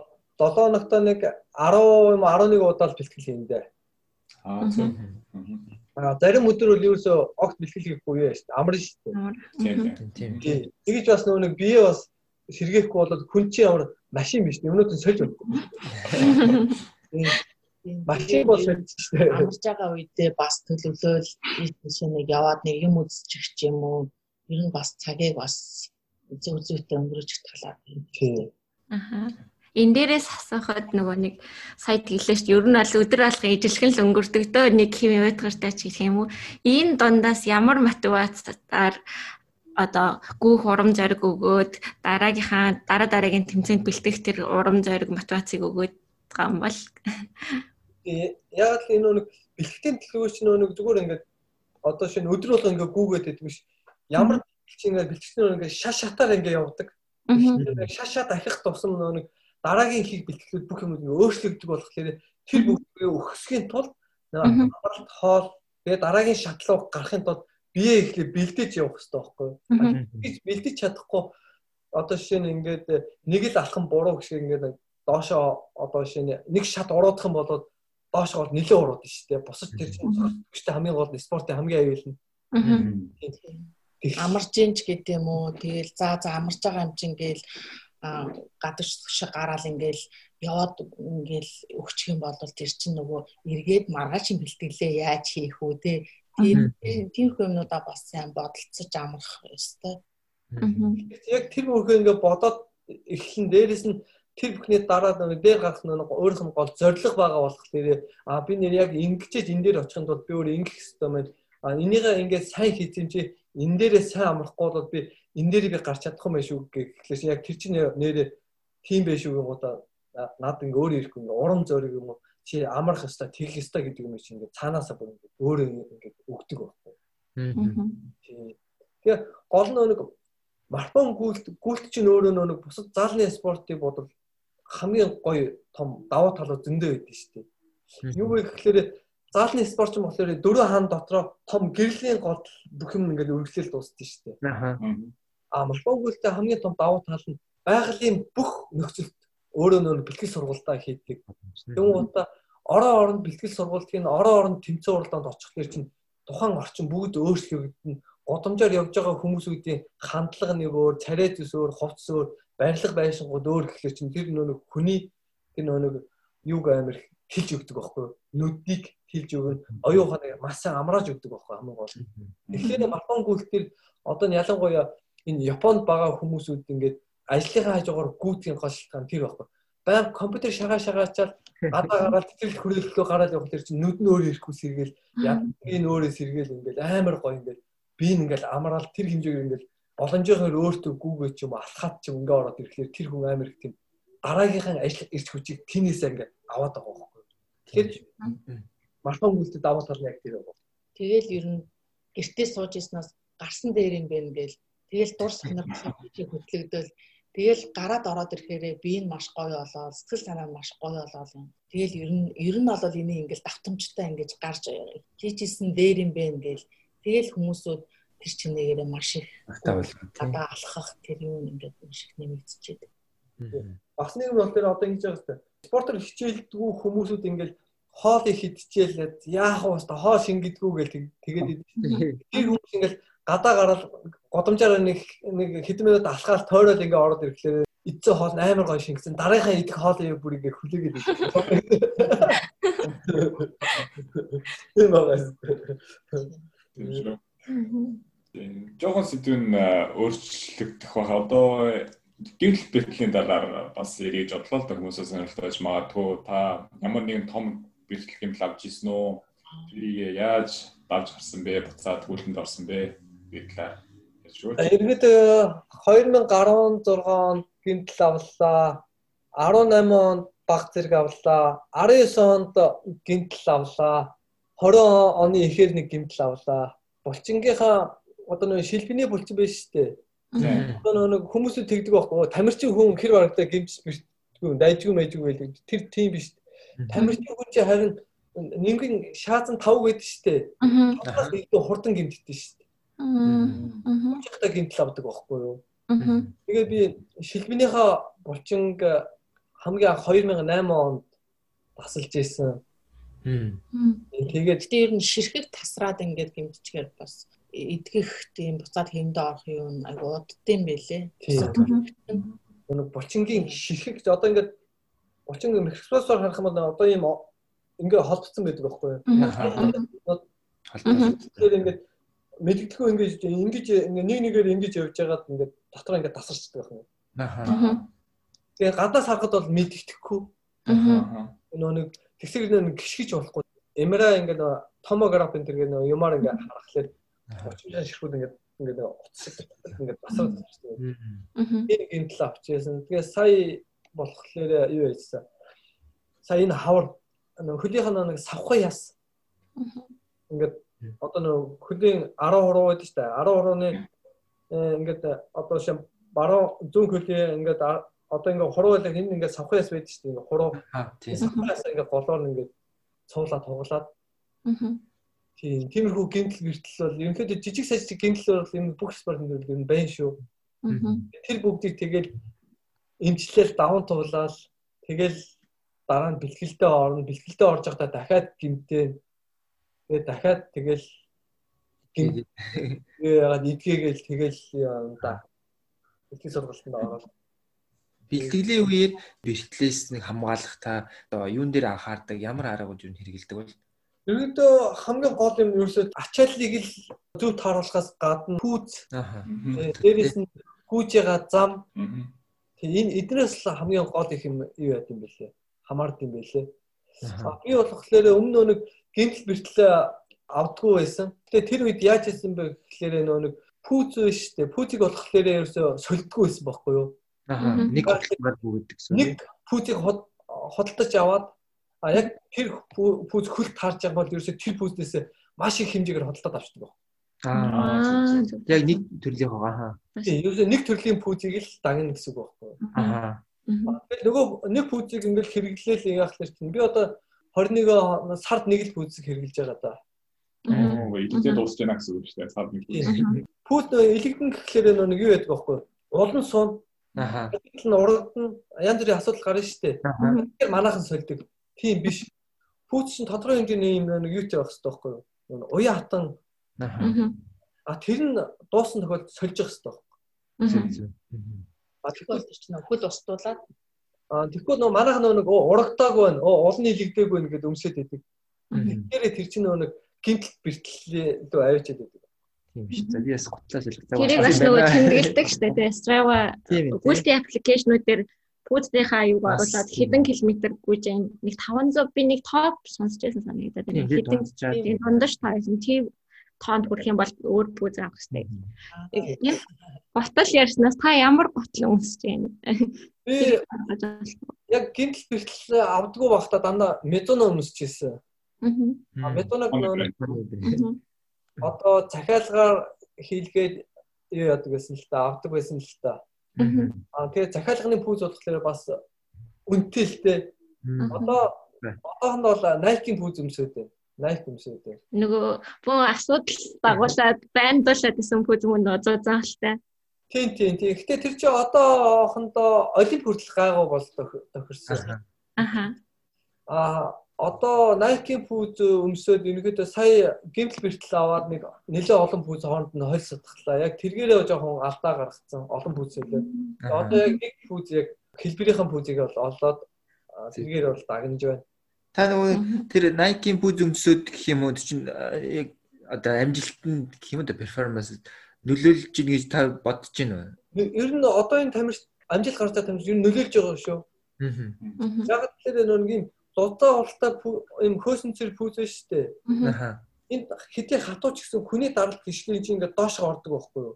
Одоо шинэ дуудаа уралтай пүүзийг төлөхлөөр чинь 4 см 2 см одоо буцаага төлөх гэж байгаа штэ. Энд чинь 0.0.2% хүч нэмж өгч байгаа байхгүй юу? А тэгэхээр карбон буюу хатуу юм нэмэхлээр чинь тэр хоёрын суулт нь нэг баг болчихно. Хоёр тэгмээ төлхөлт нь өндөр болчихж байгаа байхгүй юу? Одоо шинэ хөл нүцгэн газраас төлөх пүүстэй газраас төлөх хоёрын аль нь илүү их хөлд гэмтэл бага авах вэ? Пүүстэй.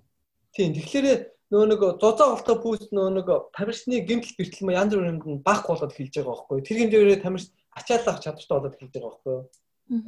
Тэгээд одоо одоо энэ нэг марафон гүлтийн дэлхийн рекорд гэ том том тэмцээн уралдааны рекордууд эвдэгдээд байна л да. Одоо энэ болох Тэгэхээр нэг сая асуудал дагуулад гэсэн Токиогийн олимпийн дараа энэ пүүсний асуудал нэг тийш нь шийдэгдэх байх. Энэ дулаан холбоо пүүсэд бүрэн Токиогийн олимпийн дараа хасагдах байх ерөнхийдөө. Ягаад гэвэл өмнө нэг өндөр амжилт гаргасан тамирч энэ төр чинь бүгд одоо нэнгүү ултаа пүүстэй гүгээд өндөр амжилт гаргасан тамирч одоо нөө нэг хүмүүс нөө нэг допинг хэрэглээд гүйжсэн юу яаж гүйж хараад яадаг тэмцдэг гэсэн бол одоо болохоор допинг болохоор пүүслөө явж хийж байгаа байхгүй. Тэгэхээр нэг энэ нэг юу биш болж гэлж байгаа байхгүй юу.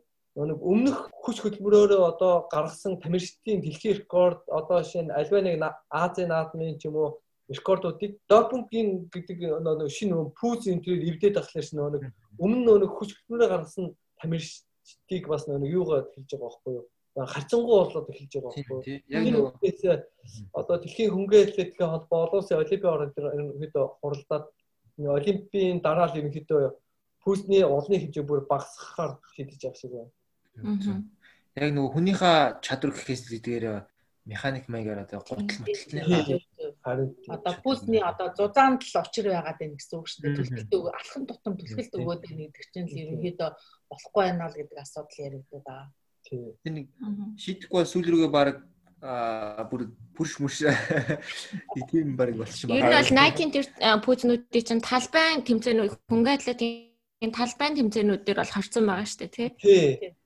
Аа тэгээд зам дээр хоригдсон. Токиогийн олимп болгож байгаа болохоор нэг Японы тамирчид хэрэглэн гэж тэгээд ерөнхийдөө төр зургийг олимп дуустал хойшлуулсан байгаа. Гэхдээ ерөнхийдөө бас хэмжээ мэмжээ заах ч юм уу бас арга хэмжээ авахлаа. Тий. Одоо би чинь нэг чинь 2 цаг 8 минут 50 секунд гүөх чинь нэгэн уртаа пүстийг үүсэн шүү дээ. Одоо тамирчин тийм зузаан уртаа пүүз өмсөг хэрнээ 2 цаг 10-аас дотгошоо бас нэг одоо орч чадахгүй нэг гэхэлэр чинь бас л юу байгаа байхгүй. Одоо тэр нөгөө тухайн хувь хүн тамирчдын чадрыг л бас гаргаж ирээд байгаа байхгүй. Тийм тий. Тийм биш үү. Эндээс идлээ нөгөө Монгол дөгөөч түрүү нөгөө бас нэг ярьжсэн Монгол соёл ахаа гэд. Тэрнтэй сайн нэг гинтэлтэй холбоод яхад аа бас тий хоёлаа дасгалжуулж байгаа болохоор ер нь одоо Монгол залуучууд Монгол гүйгчид ямар төрлийн гимтэл нь илүү авах одоо талтай байдаг вэ?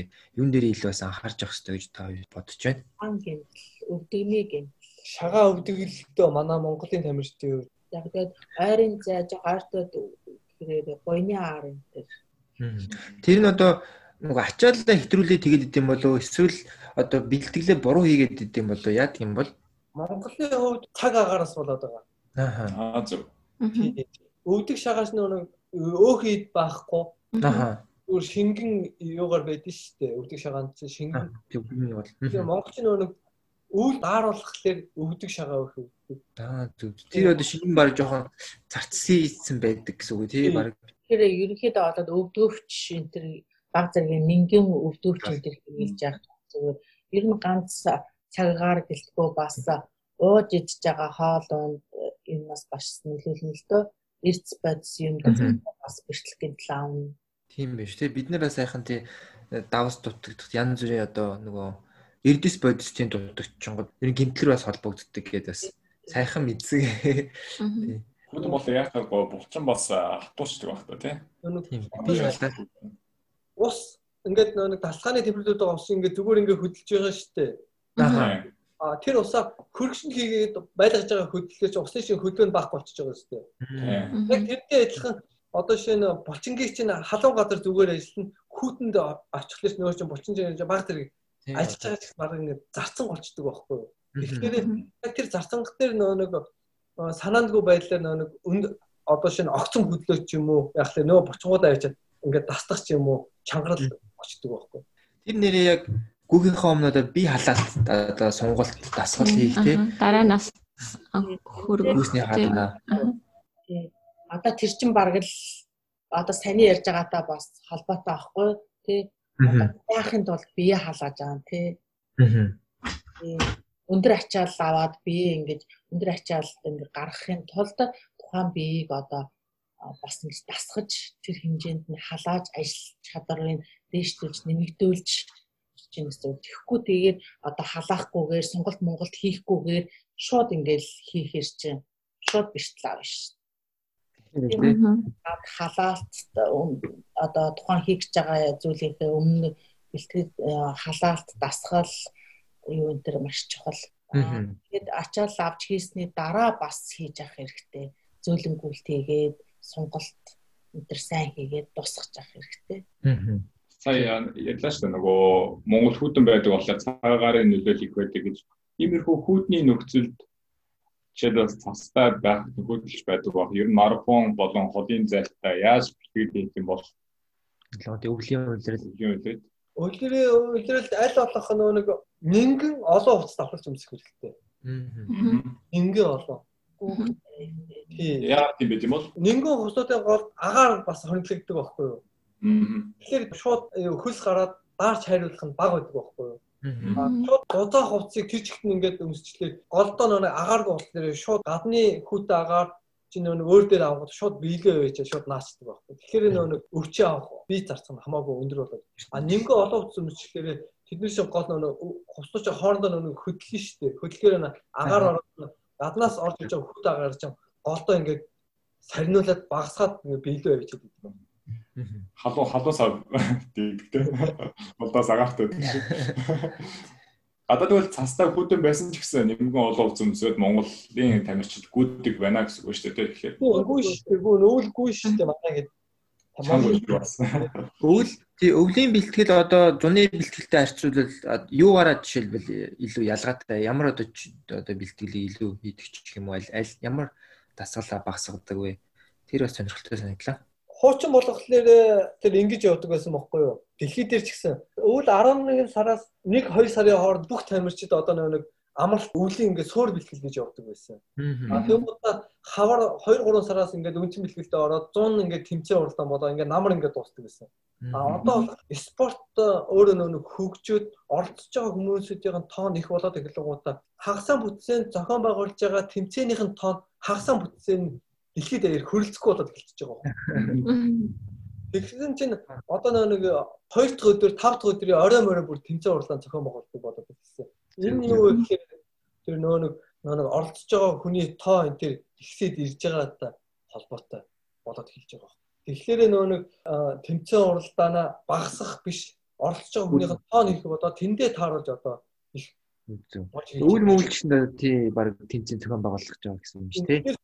Одоо ингэж байгаа хагасаа бүсэнд хөрөлцөхгүй болоод эхэлж байна гэхэлэр чинь нөө нэг 100 байдаг болдог тэмцээнүүд нь болохоор ингээд намар олоогоо болоод намар болдог тэмцээнд өвлөгөө болоод тэгээд нэг үнэхээр одоо нэг цаг агаар нь одоо дулаан байдаг газрууд нь одоо үйл маш их тэмцээн уралдаанууд ингээд харилцан ингээд би ингээд солилцоо зохион байгуулдаг. Тэгэхээр нөө нэг одоо дэлхийд дээр марафон гүйлтийг том жижиг нэлээ 5000 гаруй марафон болж шүү дэлхийд дээр. Тийм. Тэрнээрээ тий одоо Монгол үйл очвол нөгөө урагшаа авцаад мавцраач дум болж байгаа юм. Тэнд очиод бас Google шалах юм шүү дээ. Тийм. Тэгээ нөгөө яг тэрнтэйгээ холбоотой ингээд тэмцээн уралдаан гэхлээр өвөл байхгүй байдаг гэсэн ба одоо нэг өвөл тэмцээн уралдаан болоод ирэхлээр нэг өвлийн хүүт нь Монголын тамирчид яах вэ гэдэг чинь а тэмцээн уралдаан бага үедээ тэмцээн уралдаанаа нэг юу яа а бэлтгээгээ хийгээд явна а тэмцээн уралдаан баахгүй өвөл нөгөө нэг сүр бэлтгэлээ би амраагаад амраах бэлтгэл рүү ороод явна гэсэн. Тухайн тухайн тэмцээн уралдаа хизээ гэдгээсээ шалтгаалаад биедээ тааруулаад одоо хийдэг юм болсон. Өмнө нь болохоор яг нөгөө өвөлдөө суур бэлтгэл ихээр ерөнхийдөө багтаамжаа их аваад явцдаг. Аа тэгэл дулаараа тэмцээн уралдааны цаг эхлээд ирэхээр хурдны бэлтгэл ч юм уу те тийм бэлтгэл рүү дагаа ороо явчихдаг. Гэсэн одоо болохоор тэмцээн өвлж болдог болцсон. Тухайн тамирчин, тухайн хүн одоо хизээ тэмцээнтэй гэдгээсээ шалтгаалаад өөрийнхөө биед тааруулаад ихтгэл сургуультаа гээл явж байгаа. Зөв зөв. Сайн нэг тийм нэг асуумаар санасан. Сэрүүдэх одоо жилд хідэн марафон дунджаар орж байгаа вэ? Та тийм зорилго зорилгоч байх уу? Ер нь одоо өөрийн төлөвлөгөө. Тэгээ хамгийн том тэмцээн үйл нэг юм хоёр л орж байгаа доо. Хоёр том тэмцээн ингээд. Тэгээд зарим тэмцээнүүд нөө нэг туслах тэмцээн ингээд оруулцдаг байхгүй. Ягаад туслах вэ? Гэхээр том тэмцээнд орохын тулд наа одоо нөө өөр жижигэн тэмцээнд бас орж бас би бас бэлдэж байгаа шаардлагатай л да. Би шалгах ч юм уу? Тий одоо надаа юу хэрэгтэй, юу дутуу байна, яавал дээр вэ? Гэдгээ тэр туслах тэмцээнд дээр мэдэж олж авч идэг. Тэгэхээр нэг хамгийн дээд нэг 3 юм уу 4 тэмцээнд яг орж ин доо Зөв зөв. Яг голцоо ерөнхийдөө одоо бол нэг хоёр тэмцээн, гурван тэмцээнд гол ороод тэгээ бусдын дандаа нэг яг марафон биш өөр нэг арай нэг юун зай. Богин зай. Богин зайны хагас марафон. Нэг бас нэг гоё мэдээ хэлээ л да. За. Саси. Тэр тэмцээнд орсон. Өчигдөр үү? Тий, өчигдөр. Оо за. А өчтөр болохоор марафон гүйлт биш одоо 5000 метрийн э, тойргийн тэмцээн, тракинг тэмцээнд орсон. Аа за. Тэгээд тракинг тэмцээнд ороод 2011 оны 11 сарын 16-нд Хятадын Гуанчжоуд болсон Азийн Азийн хөнгө атлетикийн аврах шалралт тэмцээнд 5000 метрт 14 минут 18 секунд 53 дойлийн амжилтаар юу ээж ирсэн. Монгол улсын рекордыг тогтоож ирсэн. Бид нар энд тэмцээнд ороод Монгол улсын рекордыг 2 секунд 0.5 дойлоор ахиулаад 14 минут 16 секунд 48 дойл гүлээ гэсэн. Аа за баярлалаа. Хой мэдээ. Жилийн дараа рекорд өөрөө рекордыг өөрөө шийдэлдэг доо. Даа ерөөсөө мундаг байна. Тийм. Аа шүү. Яаж ер нь ажил ингэж хадгалж чадчихээн тэгээд бус гүйж байгаа тамирчидаа ямар нэгэн зөвлөгөө өгвөл ямар яаж өгөх хэвтэй форм нь ямар ах бас техникийн талаар ямар нэгэн зөвлөгөө өгвөл мэрэгжлийн өгч бас сонирхож байгаа бас хүмүүс ч гэсэн дээ. Харин би түрүү хэлжсэн дээ. Заримдаа ингээ буудалт байгаа юм шиг айлын том хөвгч ингээд Тэр бүгд ингээ одоо ингээ яг ингээ амралт бүх юм ингээ гол авч байгаа юм нь юу яг л тэр л байхгүй юу. Эхлэл сургуультаа хийгээд амрах үед яг ингээ нэг амархлаар чинь гэр орны ч юм уу янз бүрийн хийх ажлуудаас ингээд бүр ингээд тасраа яваад ирдэг. Энэ гоота хоол унд юм уу янз бүрийн хийх хүн ингээд өөрийнхөө юмаг ингээд хийгээд чинь ингээд айлын том хүүхчигцгүй өөрийгөө ингээ аргалаа явууллаа гэж асуудал байна. Дасгалжуулагч бол энд амар том нөлөө үзүүлсэн шүү дээ. Дасгалжуулагч чинь гэр орныхаа ажлыг зохицуулна. Оюутан ягш бол бас тэр том амжилтын нууц ард нь байгаа юм байна. Аха. Оо энэ дээрээс бас уялдуулаад асуухад хоёлаа гэр бүлийн хоёр хүн нэг нь дасгалжуулагч нэг нь тамирчин байхын давуу талууд тэгээ бас эргүүлээд сул талууд нь юу гэж харж байна та яар маань давуу тал гэх юм бол яг спортод бол ингээд амжилт гаргах юу яаж байгаа? Давуу талууд бол зөндөө байна. болоод одоо энэ олон жил хичээллээд энэ амжилтаа хадгалаад энэ дэр явж байгаа бол хоёулаа ингээд нэг спорт нэг зорилготой нэг явж байгааг юм бас маш их нөлөө байгаа. Аа. Тэгээ яг тэгэхээр одоо би одоо жишээ нь дасгалж болж тэгэхээр тамирчнаа тэг хизээ намраах уу хизээ одоо яах вэ гэдэг би өөрөө зохицуулж шийдэн штэ. Аа. Амраахгүй тэгээ энэ тамирчин амраагүй сэргээгүй байхад нь би заавал ч энийг хийх ёстой гэж бэлтгэл дээр ингээд хэлгээд байвал босч ирэх үү энэ тамирчин тий. Бүгдээ ингээд ярилцаа зохицуулаад ингээд явж яах гэдэг чинь тэгээд нөлөө байгаа байгаа амжилтанд ямар ч байсан сайн нөлөө. Сөрөг нөлөө гэвэл зөндөө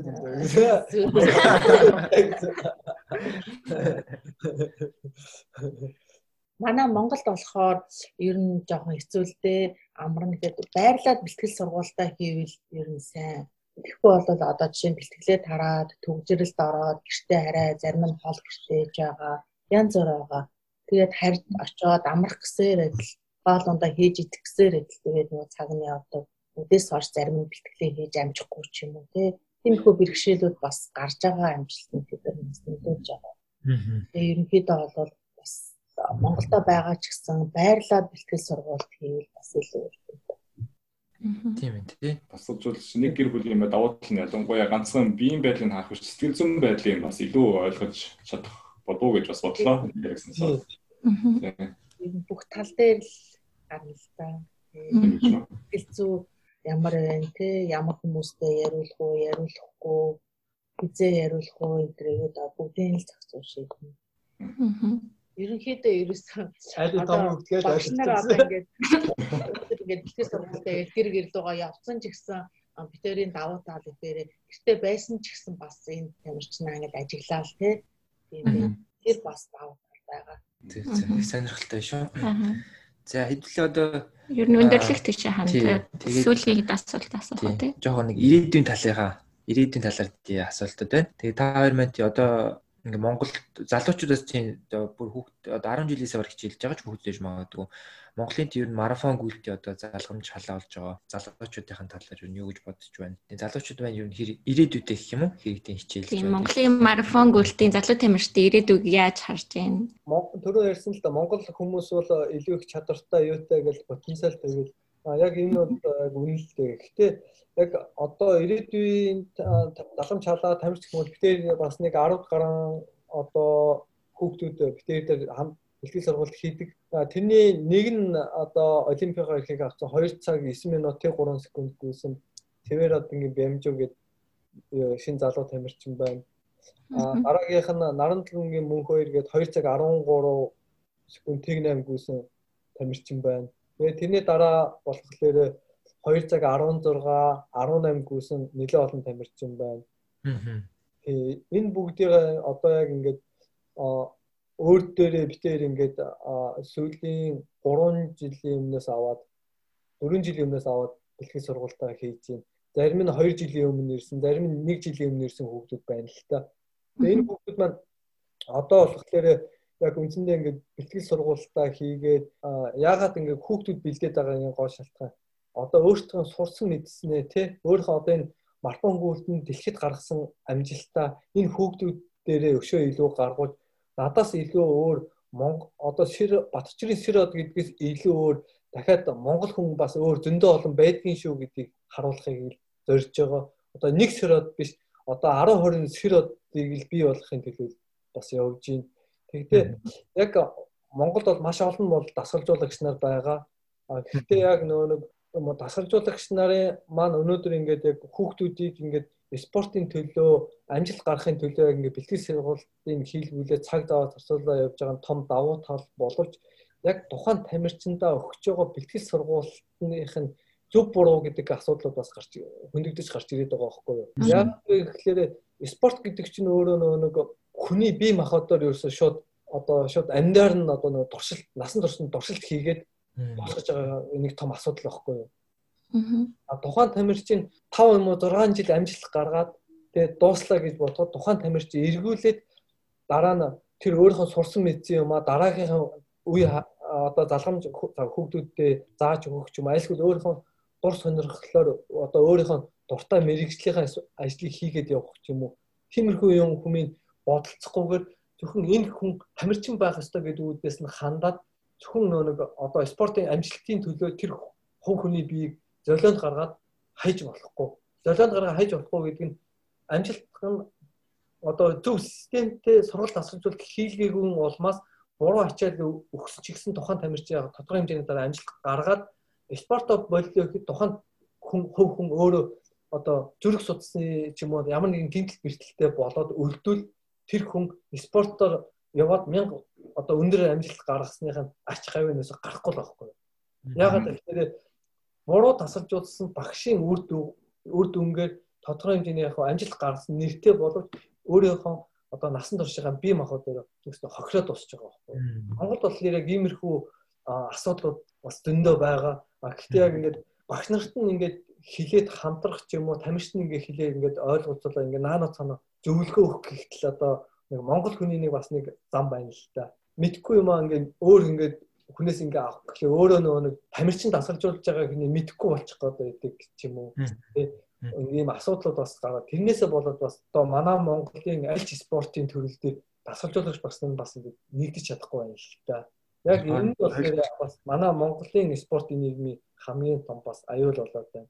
Тэгээ битэрийн гол зорилго юу вэ гэхээр одоо тамирчтай ингэж бэлтгэж гаргасны дараа хамгийн гол нь спортод бүлтгэж дараа гол нь манай тамирчид гол нь эрүүл байх л гол үндэс шүү гэдэг юмыг ихтэй бас давхар бас бодож төлөвлөж бас явдаг. Тэгэхгүй бол нэг тухайн хүнийг одоо жишээ нь зүгээр байгаа би энэ спорт амжилт гаргасан гэж жаал одоо босон болоогүй ачаал өгч тухайн хүний эмгэгтэй болчоод дараа нь амжилт гаргахгүй спорт бүслийн дараа өө чи уралдаж чадаагүй дээ гэж бас хэлж бас болохгүй байхгүй. Энэ дасгалжуулагч хүн бас тийм тэгээд битээр дээр нэг өмнө ингээд өөр багш дээр хийж яагаад ирсэн тамирч энэ төр байгаа л да. Тэр тамирчдын ингээд бэлтгэл сургалтын ингээд өөрсдөө өндөр түвшинд ингээд одоо ингээд зөв аваачих гэхээр нөгөө би махуудын эргэтэн системийн үйл ажиллагаа нь анхтаас нөгөө буруу нэг системээр яваад нөгөөт нь дасал болцсон байдаг. Хамгийн аюул нь тэрийг зөв голлолд оруулахын тулд нэгээс 2 жил зарим нь ингээ 3 жилийн хугацаа шаардлагатай. Тэгэхээр энэ бас дасгалжуул ямар ч дасгалжуулагч хүний бас нэг бодох том хамгийн том асуудлын нэг илэрл. Сайн тамирчин байжгаад дасгалжуулагчаа солонгуудаа юу нь штэ. Зарим тамирч нь огцом амжилт гаргаад эргээд ундаг, зарим бүр амжилт гаргахгүй эргээд ундаг. Энэ нөө тийм гэхээр анхнаасаа нөө нэг сургалт дасгалжуулалтаа зөв биед нь өгөөгүйгээ болмаас нөгөө тамирчны бие бооход эмгэг тал дээрээ биеийн ажиллаа сурцсан гэсэн. Тэгэхээр энэ хамгийн том юм Энэ сонирхолтой болов гэдээ би бас нэг яг өөрийнх нь нэг бэлтэж байгаа тамирчныхаа сургалт асуулжуулалт дээр болон Монголын одоо нэг дасгалжуулагч нарын нэг уялдаа холбоо болон сургалт асуулжуулалтын талд Тэгээ нөө тамирчдын дараа нь ирээдүйн тал ямар байх вэ гэдэг бас нийт ингээд базаад ярьчлаа гэсэн. Одоо манай ингээд өсвөрийн маш олон тамирчид гарч ирж байна тий. Хөдөө орон нутгаас ч ер нь тэгээд өсвөрөөс маш сайн ингээд чадвартай хүүхдүүд бас гарч ирж байна. Эдгээр хүүхдүүдтэй хандаж хэлэхэд бол одоо тамирчин гэдэг бол дор хаяж 5 10 жил бол амжилтаа хадгалж өндөр амжилт гаргах хэрэгтэй. Тэгээд бодлон ядаж 5 10 жил ямар зайнаас шалтгаалаад Тэхийн тулд бэлтгэл сургалтыг яаж хийх вэ? Тэ бас манай тамирчид бас сайн бодох хэрэгтэй өөрсдөө. Тэгээд багш нараа бас зөв сонгох хэрэгтэй. Тэгээд зорилгоо зөв тодорхойлох хэрэгтэй гэж зөвлөхөр байна. Ястай чухал зөвлөгөөнүүд биш үү? Аа. Тэгэхгүй бол манайхаа өө тэгжин гээд өө тэр тэрний юунд орцсон би ч гэсэн бас тэнд нь ороод цуг өгчээ гэж тэгэхгүйгээр яг л өөрөө ямар зориг тавьж гин өөрөө юу бодож гин тий тэргээл дагараал тэгэх юм бол амжилт бол илүү ойрхон тий нэс бол яг өсвөрт бол маш олон авьяастай чадвартай хүүхдүүд бол зөндөө гарч ирж байгаа. Даанч ингээл нэг 3 жил ч юм уу 2 жил энэ төр гүгээл Тэгэл нэг тэмцээндээ ороод нэг өндөр амжилт гаргаал тэгэл байхгүй болчтой. Дараа жил нь амжилт нь ингээд багасаал ерөнхийдөө нэг 3 жилтэй ч юм уу амжилт ингээд баг гаргаад байгаа нь бол тухайн хийж байгаа бэлтгэл сургуульд юм юмтай холбоотой баг. Тийм учраас одоо гарч ирж байгаа тамирчид маань одоо доор хаяж 5 10 жил одоо энэ амжилтаа хадгалахаар хэмжээнд тэгээ яаж бэлтгэл сургуультай хийх үү? Чаашаад ямар зорилго тавьж гин тэднэрийгээ л өөрөө сайн мэдэрч тэгээд тэр өөрийнхөө яг зорьсон юмдаа л тэмүүлж яваараа л гэж уриал. Аа тэгэхээр манайхан ч бас нэг би нэг их дөөрөөд штэ. Манай одоо Монгол хүмүүс нэг нэг одоо жишээ нь ингээд нэг гайгуу одоо зүгээр жишээ аваа ярихад гайгуу утас бариад авцсан. Энэ утас гоё гэхэд нөгөөт нь за би заавал энийг аавна аавна гэж тэгээд тэгсэг энэ гол нь авсан гинэ нөгөөтгөө өөрөө тэгж нөгөө нөгөө хүн шигээ нөгөө утсаа 100% ашиглаж чаддгүй нэг 50 мө 60 хүнтэй л ашигладаг. Тэгэхээр чинь ямар ч тийм хүн дөөрөө ямар ч тийм юг болчихж байгаа байхгүй шаардлагагүй. Өөрийнхөө хэрэгцээндээ тааруулаа өөрийнхөө зорилгыг тодорхойлсон тохиолдолд тэр хүн одоо шинэ тэрнээс илүү утас компьютер ч юм уу те компьютер өөр ч юм ингээд өөрийнхөө хэрэглээнд хийх ч юм уу. Тэгэхээр хүн өөрийнхөө зорилгыг тодорхойлно гэдэг чинь өөрийнхөө нэг явах замыг бас гаргаж ирж байгаа байхгүй юу. Гэхдээ явах замаа гаргаж ирэхдээ би яг ямар замаар явуул би хаана очих вэ? Алдаа гаргадаг замаар явах уу, алдаа гаргахгүй замаар явах уу гэдгээ сайн сонгох хэрэгтэй байхгүй. Тэгээд алдаа гаргахгүй замаар явлаа гэж бодоход одоо би энэ алдаа гаргахгүй зам чинь дахиад дотор олон хавагдана шүү дээ. Удаан хугацаанд явах уу, богинохон хугацаанд явах уу гэх. Тэ? Тэгвэл за богинохон хугацаанд явлаа гэж бодоход дараа нь богинохон хугацаанд би энэ алдаа гаргах энэ зорилгодоо хүрээд ирлээ гэж тэр зорилгын дараа нь би энэ зорилгоо таан цааш нь хөшөө юу болох юм бэ гэсэн ингээл зам нь ингээд цаашаа ингээд гарч ирээд байгаа. Тэгэхээр одоо нэг олон жилийн төлөлд олон жилийн өөрийн өөрийнхөө хүсэл мөрөөдлийн гол зорилгоо л өөрөө зөв тодорхойлол тэр зорилгодоо өөрөө нэг тэгүүдээ тавиал тэр лугаа тэгээ шаш шатаар замаа сонгож явуул тэгэл манай Монголын өсвөрийн тамирчид гэдгүү манай Монголын ард түмэнч энэ хол явна да уулна хол явна да. Баас би нэгтэйгээ жоохон барьцаад байх юм да гэсэн. Ерөнхийдөө өндөрлөх үү. А сүүлийн асуулт нь Монголд яг марафон гүйлт гүйлт төр дундаа марафон гүйлтийг ямар хүмүүс их ойлгож дэмжиж хувь хүмүүсийн нөө компаниуд энэ нөө ер нь төрөөс ямар дэмжлэг байна. Дэмжлэгийн тухай ярих гэж бодсон.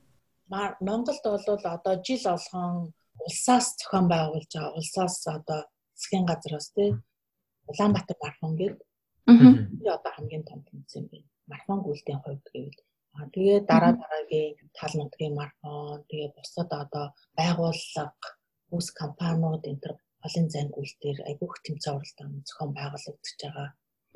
Таны хувьд бол тэмцээн уралдаан бас харьцангуй бас арай гайгүй ойлголттой байгаа юм байна. Дэмжих дэмжих одоо яг тамирчтай дэмжих тал дээр гэх юм уу?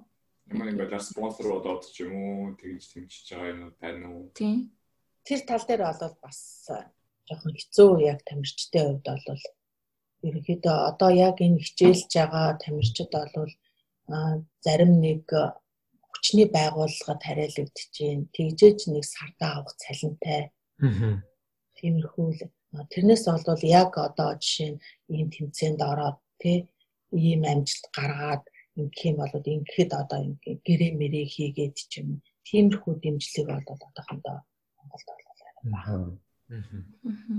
Аа тэгээд нөө нэг олимпийн эрх авсан болон одоо өндөр амжилт гаргаж байгаа тамирчид болохоор одоо Монголын үндэсний шгшээ багт хамрагдсанараа болохоор нэг том давуу талууд байгаа л да. Ягаад гэвэл ийм витаминжуулалт байна. Тодорхой одоо тэмцээн уралдааны зардал мөнгө тэгээд цугларалтын зардал мөнгө ингээд одоо юу улсаас ус тодорхой хэмжээний сайн тусалцаа бол үзүүлдэг.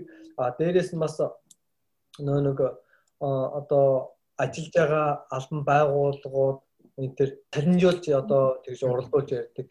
Тий гэтэл одоо бидний хувьд болохоор яг хөө нөө нэг юу ичж байгаа юм л да. Нөө нэг өндөр амжилттай болохоор шгшээ баг гээд тэгээд нөө нэг спорт хороодууд бол байгууллагуудаас нөө нэг цалинжаад юм уу туслаад дэмжлэг аваа явчихж байгаа байна. А гэтэл бидний яа бид нар бол яг ингээд тэмцээн уралдаана гэдэг ингээд яг болчихно. Гэтэл бидний залган чалаа гэдэг нөө нэг одоо өсвөр үе болон одоо нэг хүүхдүүдийг багаас нь сонгон шалруулад аваад хичээлүүлэх тий тэр хүүхдүүдэд яаж тусламж яах вэ тий тус дэм болох уу гэдэг тал дээр бас нэгт байхгүй болсон. А дээрэс нь манай одоо Монгол хүүхдүүд бол нэрэ 10 дугаар анги төгсөн төгслөл хөнгө атлетикийн спортоор хичээлдэг. Тэгсээр хэрнээ яг их сургуульд орохлоор нөгөө нэг юу яадаг. Спортын бус их сургуулиуд болохоор хөнгө атлетикийг ойлгодгүй мэддэггүй болохоор одоо хөнгө атлетикийн дугуйлан ч юм уу тиймэрхүү байхгүй. Аа тэгээд дуртай хүүхдүүд нь өөртөө нэг хичээлийн цаг заваар явдаг боловч хичээлээ дийлэхгүй тэгээд спорт одоо бүгд орхиод ирдэг. Их сургуулиуд болохоор одоо ганц авдаг хүүхдүүдийг ганцхан спортоор ирэхэд их сургуулиуд ер нь авч штэ. Ерөөсө сагсан мөнгөөр авч байгаа байхгүй. Гайгүй сагсан мөнгө тоглох хүүхдүүдийг их сургуулиуд аваад тэгээд яг заримдаа чөлөөгөө заримдаа хичээлд нь явуулаад ингээл байж байгаа хаа. Тэгэхээр хөнгө атлетикийн спортын хувьд болохоор яг 10 дугаар ангиад төгсөөд их сургууль руу үнэхээр яг спортын сургууль их сургууль руу орсон тохиолдолд яг хөнгө атлетикаараа одоо мэрийг бэлтгэл сургуулаа хийгээд амжилт гаргаад явж байгаа туслаа дэмжлэггүйгээр а түүнээс яг зүгээр их сургуульд орсон тохиолдол ерөөдөө баг байхгүй болчиход байгаа.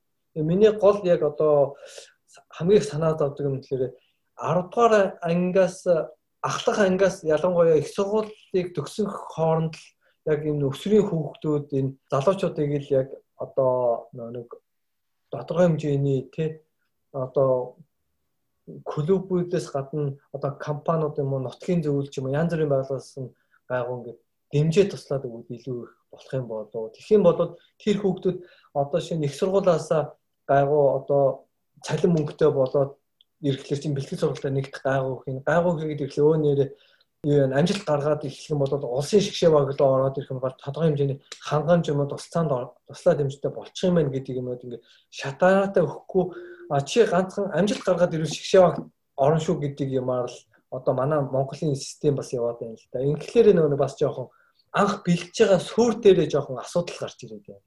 Тийм ээ тий. Одоо үндэсний шигшээ авдагт ч одоо гарын тав уран багтахаар л тамирчид байгаа шүү дээ. Тэгээд тэрнээс гадна одоо ингээд дөнгөж гарч ирж байгаа өсвөрийн залуучууд маш олон тамирчид байна шүү дээ. Эдгээр тамирчдын хангамжны асуудал бол маш их санаа зовоож байгаа асуудал. Тиймээс сайн сэродын хэлдгээр бол яг ингээд 10 жилээ төгсөөд те одоо их сургуульд орох энэ хоёрын зааг дээр ингээд ирж байгаа тамирчид бол яг тийм дэмжлэг бол яалтчгүй хэрэгтэй байгаа. Одоо нэг газар нэг нэг жилийн ч юм уу хоёр жилийн гэрээ хийгээд тий тэгээд тухайн тамирчин ингээд цалин мөнгө аваад тэгээд гэрээндээ заасны дагуу ингээд бэлтгэл сургалтаа хийгээд ингээд явах юм бол яг тэр зааг дээр ингээд амжилт гаргаад явах юм. Тэгээд байх тийм байхгүйгээс болоод одоо тухайн тамирчин за за шиг шиг би одоо юу яахгүй юм чи шиг нэг их сургуульд ороод тэгээд спорто болидооч гэдэг юм уу тий. Тэгэл спорт хаягдал ингээл тасраал явж байгаа байхгүй. А тэр зааг дээр нь одоо гэрээ хийгээд одоо нутгийн зөвлөл ч юм уу янз бүрийн хүүс компани ч юм уу одоо энэ клубүүд энэ төр ингээд гэрээ хийгээд тухайн тамирчныг ингээд дэмжиж авчих юм бол бас амжилт гаргаад явах магадлал маш өндөр болчихж байгаа байхгүй юу? Тийм биш үү. Сая бод би нэг Японд тийм юу бакалавр хийж ийсэн. Тэгэхээр миний одоо ажилласнаар бол ер нь Японд яг тийм оюутан байх үедээ одоо тамирчид юм залуучууд яг ийж бэлтгэлээ гэж юу амжилт гаргах тэр үндэс нь тавигдаа. Тэгээд тэндээс амжилт гарах юм бол тэр бол гол үе болж байгаа байхгүй юу. Одоо ингээ өсвөртөө ингээд айгүй олон жил хичээллээд спорт гэдэг юм ингээд мэдрээд ойлгоод ирсэн тий. Тэгээ яг ингээд цаашаа амжилт гарах гад яг тэрэн дээр ингээд таслагдчихж байгаа байхгүй юу. Тэмдэглэг болохоор яалтчгүй хаяал Тэгэл за нэг сургуульд оруул орно эсвэл гэртээ үлдэн тэгээд дэмжлэг байхгүй юм чинь цаашаа тэмцээн уралдаанд орж чадахгүй цаашлаа тэгээд олон улсын тэмцээнч байхгүй дотоодын тэмцээнч байхгүй болохоор ингээд яах юм тэгээж ч одоо би одоо хоолоо яаж олж идэх юм? Оюутан бүлэглээ бодно гэ тий. Бодсон дээр юм гээл спорта хайдаг а үнэхээр яг авьяаста тийм тамирчдад бол ингээд дэмжлэг бол үнэхээр хэрэгтэй байгаа яг тийм үед нь. Одоо манай бусад өөр юунууд бол нутгийн зөвлөлөөс маш их олон дэмжлэгүүд байдаг шүү дээ тий. Одоо бүх энэ төр бол ингээл лаан мандаар шагнах юм. Ингээл янз бүрийн тиймнүүд байдаг. А ганцхан тэгхгүйгээр бусад спортын төрлүүдээ ч гэсэн тодорхой хэмжээгээр дэмжиж энэ өсвөрийн тамирчтай ингээд тий яг бүр ингээ бодлогын чанартай ингээ дэмжиж ирвэл бас манай спортод маш их нөлөөтэй гэж бодож байна. Аа. Ямар нэгэн байдлаар хүмүүст ойлголтын сайжруулахын сурталч 5 жилээр гэрээ игээл явчихт чинь ухаан тамирчин гэрээндээ баригдаал тэгэл яалтчгүй амжилт ингээл тэгэл тэр тамирчин 21-т 22-т одоо ч юм уу тий. Маш залуутай амжилт гаргаж байгаа байхгүй юу? Тийм ээ тий. Яг тийм дэмжлэг бас хэрэгтэй байгаа сүүлийн асуудал гэсэл нэ асуулт асуугаад гэж магадгүй. Цаагаас бас нэг юм асуум орой л та. Одоо цаашдаа хідэн олимпиад оролцох зорилготой байна. Тэгээ дараа нь ямар төлөвлөгөөтэй байна гэдэг хүмүүсээс сонирхож байгаа зүйл болов уу гэж бодож байна. Тийм үү. Наа чи хүнд асуулт байна да. Явслээс одоо Токиогийн олимпиад яа зорж байгаа. Хийж байна. Тэгээд Токиогийн олимпиад орчоо тэгээд одоо юу яа да? Дараа нь нэг нэг дэлхийн аварт ороод тэгэл одоо залуу тамирчтай өшөө илүү одоо бэлтгэл сургалтын хийлгэж одоо өөрийнхөө мэдсэн юм а биднэртээ өшөө илүү зааж өгч. Одоо өөрийнхөө энэ гаргасан одоо энэ амжилтуудыг энэ одоо өөрийнхөө энэ Монголын тамирчдаар өшөө илүү шинжилэн тогтоож одоо энэ одоо дэлхийд дээр байгаа том том энэ марафонуудад энэ Монголын тамирчдыг л одоо оролцуулах дээрээс марафон гүйлтээр олимп дэлхийн аврагт багаараа ордог болсон бол одоо олимпиад нэг багаараас одоо энэ жил дахиад бас бүтэн багаараа бас орох тийм зорилготой. Ерөнхийдөө хөнгө атлетик 46 төрөлтэй гэдгсэн одоо Монголд бол хамгийн нэг нөөрд хөгжих төрөл нь болохоор ерөөсөн марафон гүйлт болох. Ерөөсөн марафон гүйлтийг л ерөнхийдөө эшин бараг одоо энэ нэг үндэсний бүх шиг л үндэсний бүхөөс ч илүү бас авиачил гэсэн тийм иргэдийн л зорилго байна да. Аа. Монголчууд ч гэсэн ер нь айгүй гүйлтийн спортоор айгүй хичээлдэг болсон. Тэгээд гүйлтийн төрлийн тэмцээнүүд айгүй зохиогддог болсон. Одоо жишээ нь ингээд Монголд очиод ингээд өглөө ингээд цэцэрлэг түрээлийн дээр маш их олон хүмүүс алхдаг, гүйдэг болсон. Тэр бол ойрын сүүлийн жилүүдэд ингээд маш их дэвшил гарсан харагдаж байгаа. Аа. Тийм ээ шүү. Тийм шүү. Манай подкаст ч гэсэн гүйлийн талаар хүмүүст мэдээлэл хүргэж जैन. Тэгээд энэ удаад та хоёр маань ч гэсэн ирээд а гүйлтийн талаар гой сайхан яриа ярьж өглөө. Тэгээд энэ маягаар гүйлтээ одоо подкаст ч юм өөр ямар нэгэн суваар сурталчлаад явах юм бол хүмүүс ч гэсэн илүү ойлголттой болох болов уу гэж бодож байна. Тийм. Тийм болохоор улсаас харах өнцөгч дэмжлэгч гэсэн бас өөрчлөгдөд илүү тийм гүйлтийн спорт маань хөгжөөд тэгээд гүйлтийн спортод дамжуулаад монголчууд маань эрүүл болоод ирэх юм болов уу гэж бас бодлоо. Харин спортын чиглэлээр ийм подкастууд маш цөөхөн байдаг. Э, ер нь баг яг мэрэгжлийн тал руугаа гэх юм бол одоо яг та нарын явуулж байгаа л баг байхаа даа л гэж байна. Урьж оролцуулсан та нартай маш их баярлалаа. Тэг хүмүүсийг бас гүүгээрэй гэж уриаллаа тий. Гүйлтийн спорт чинь ер нь аль зардал багтай хаанч гүйчих болохоор тийм шүү.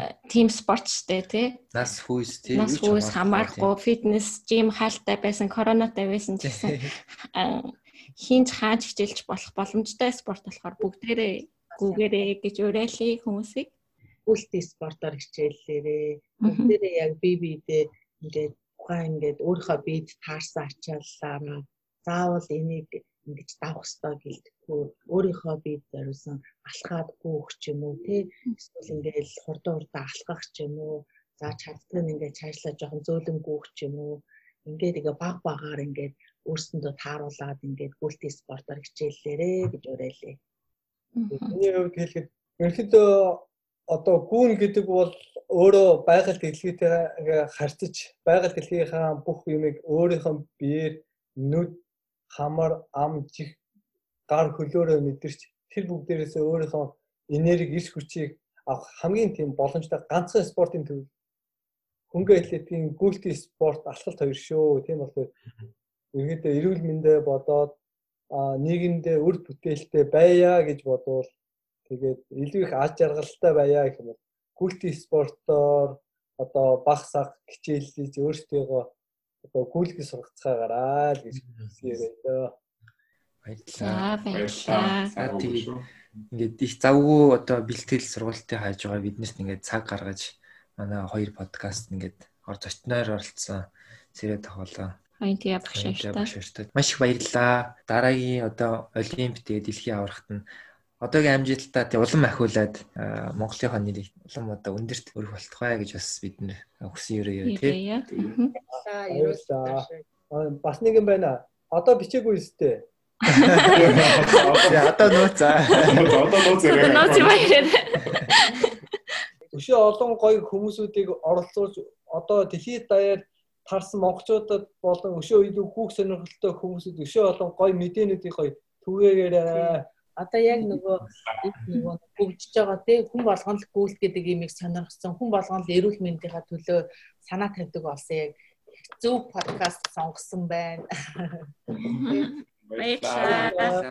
Баярлалаа. Баярлалаа.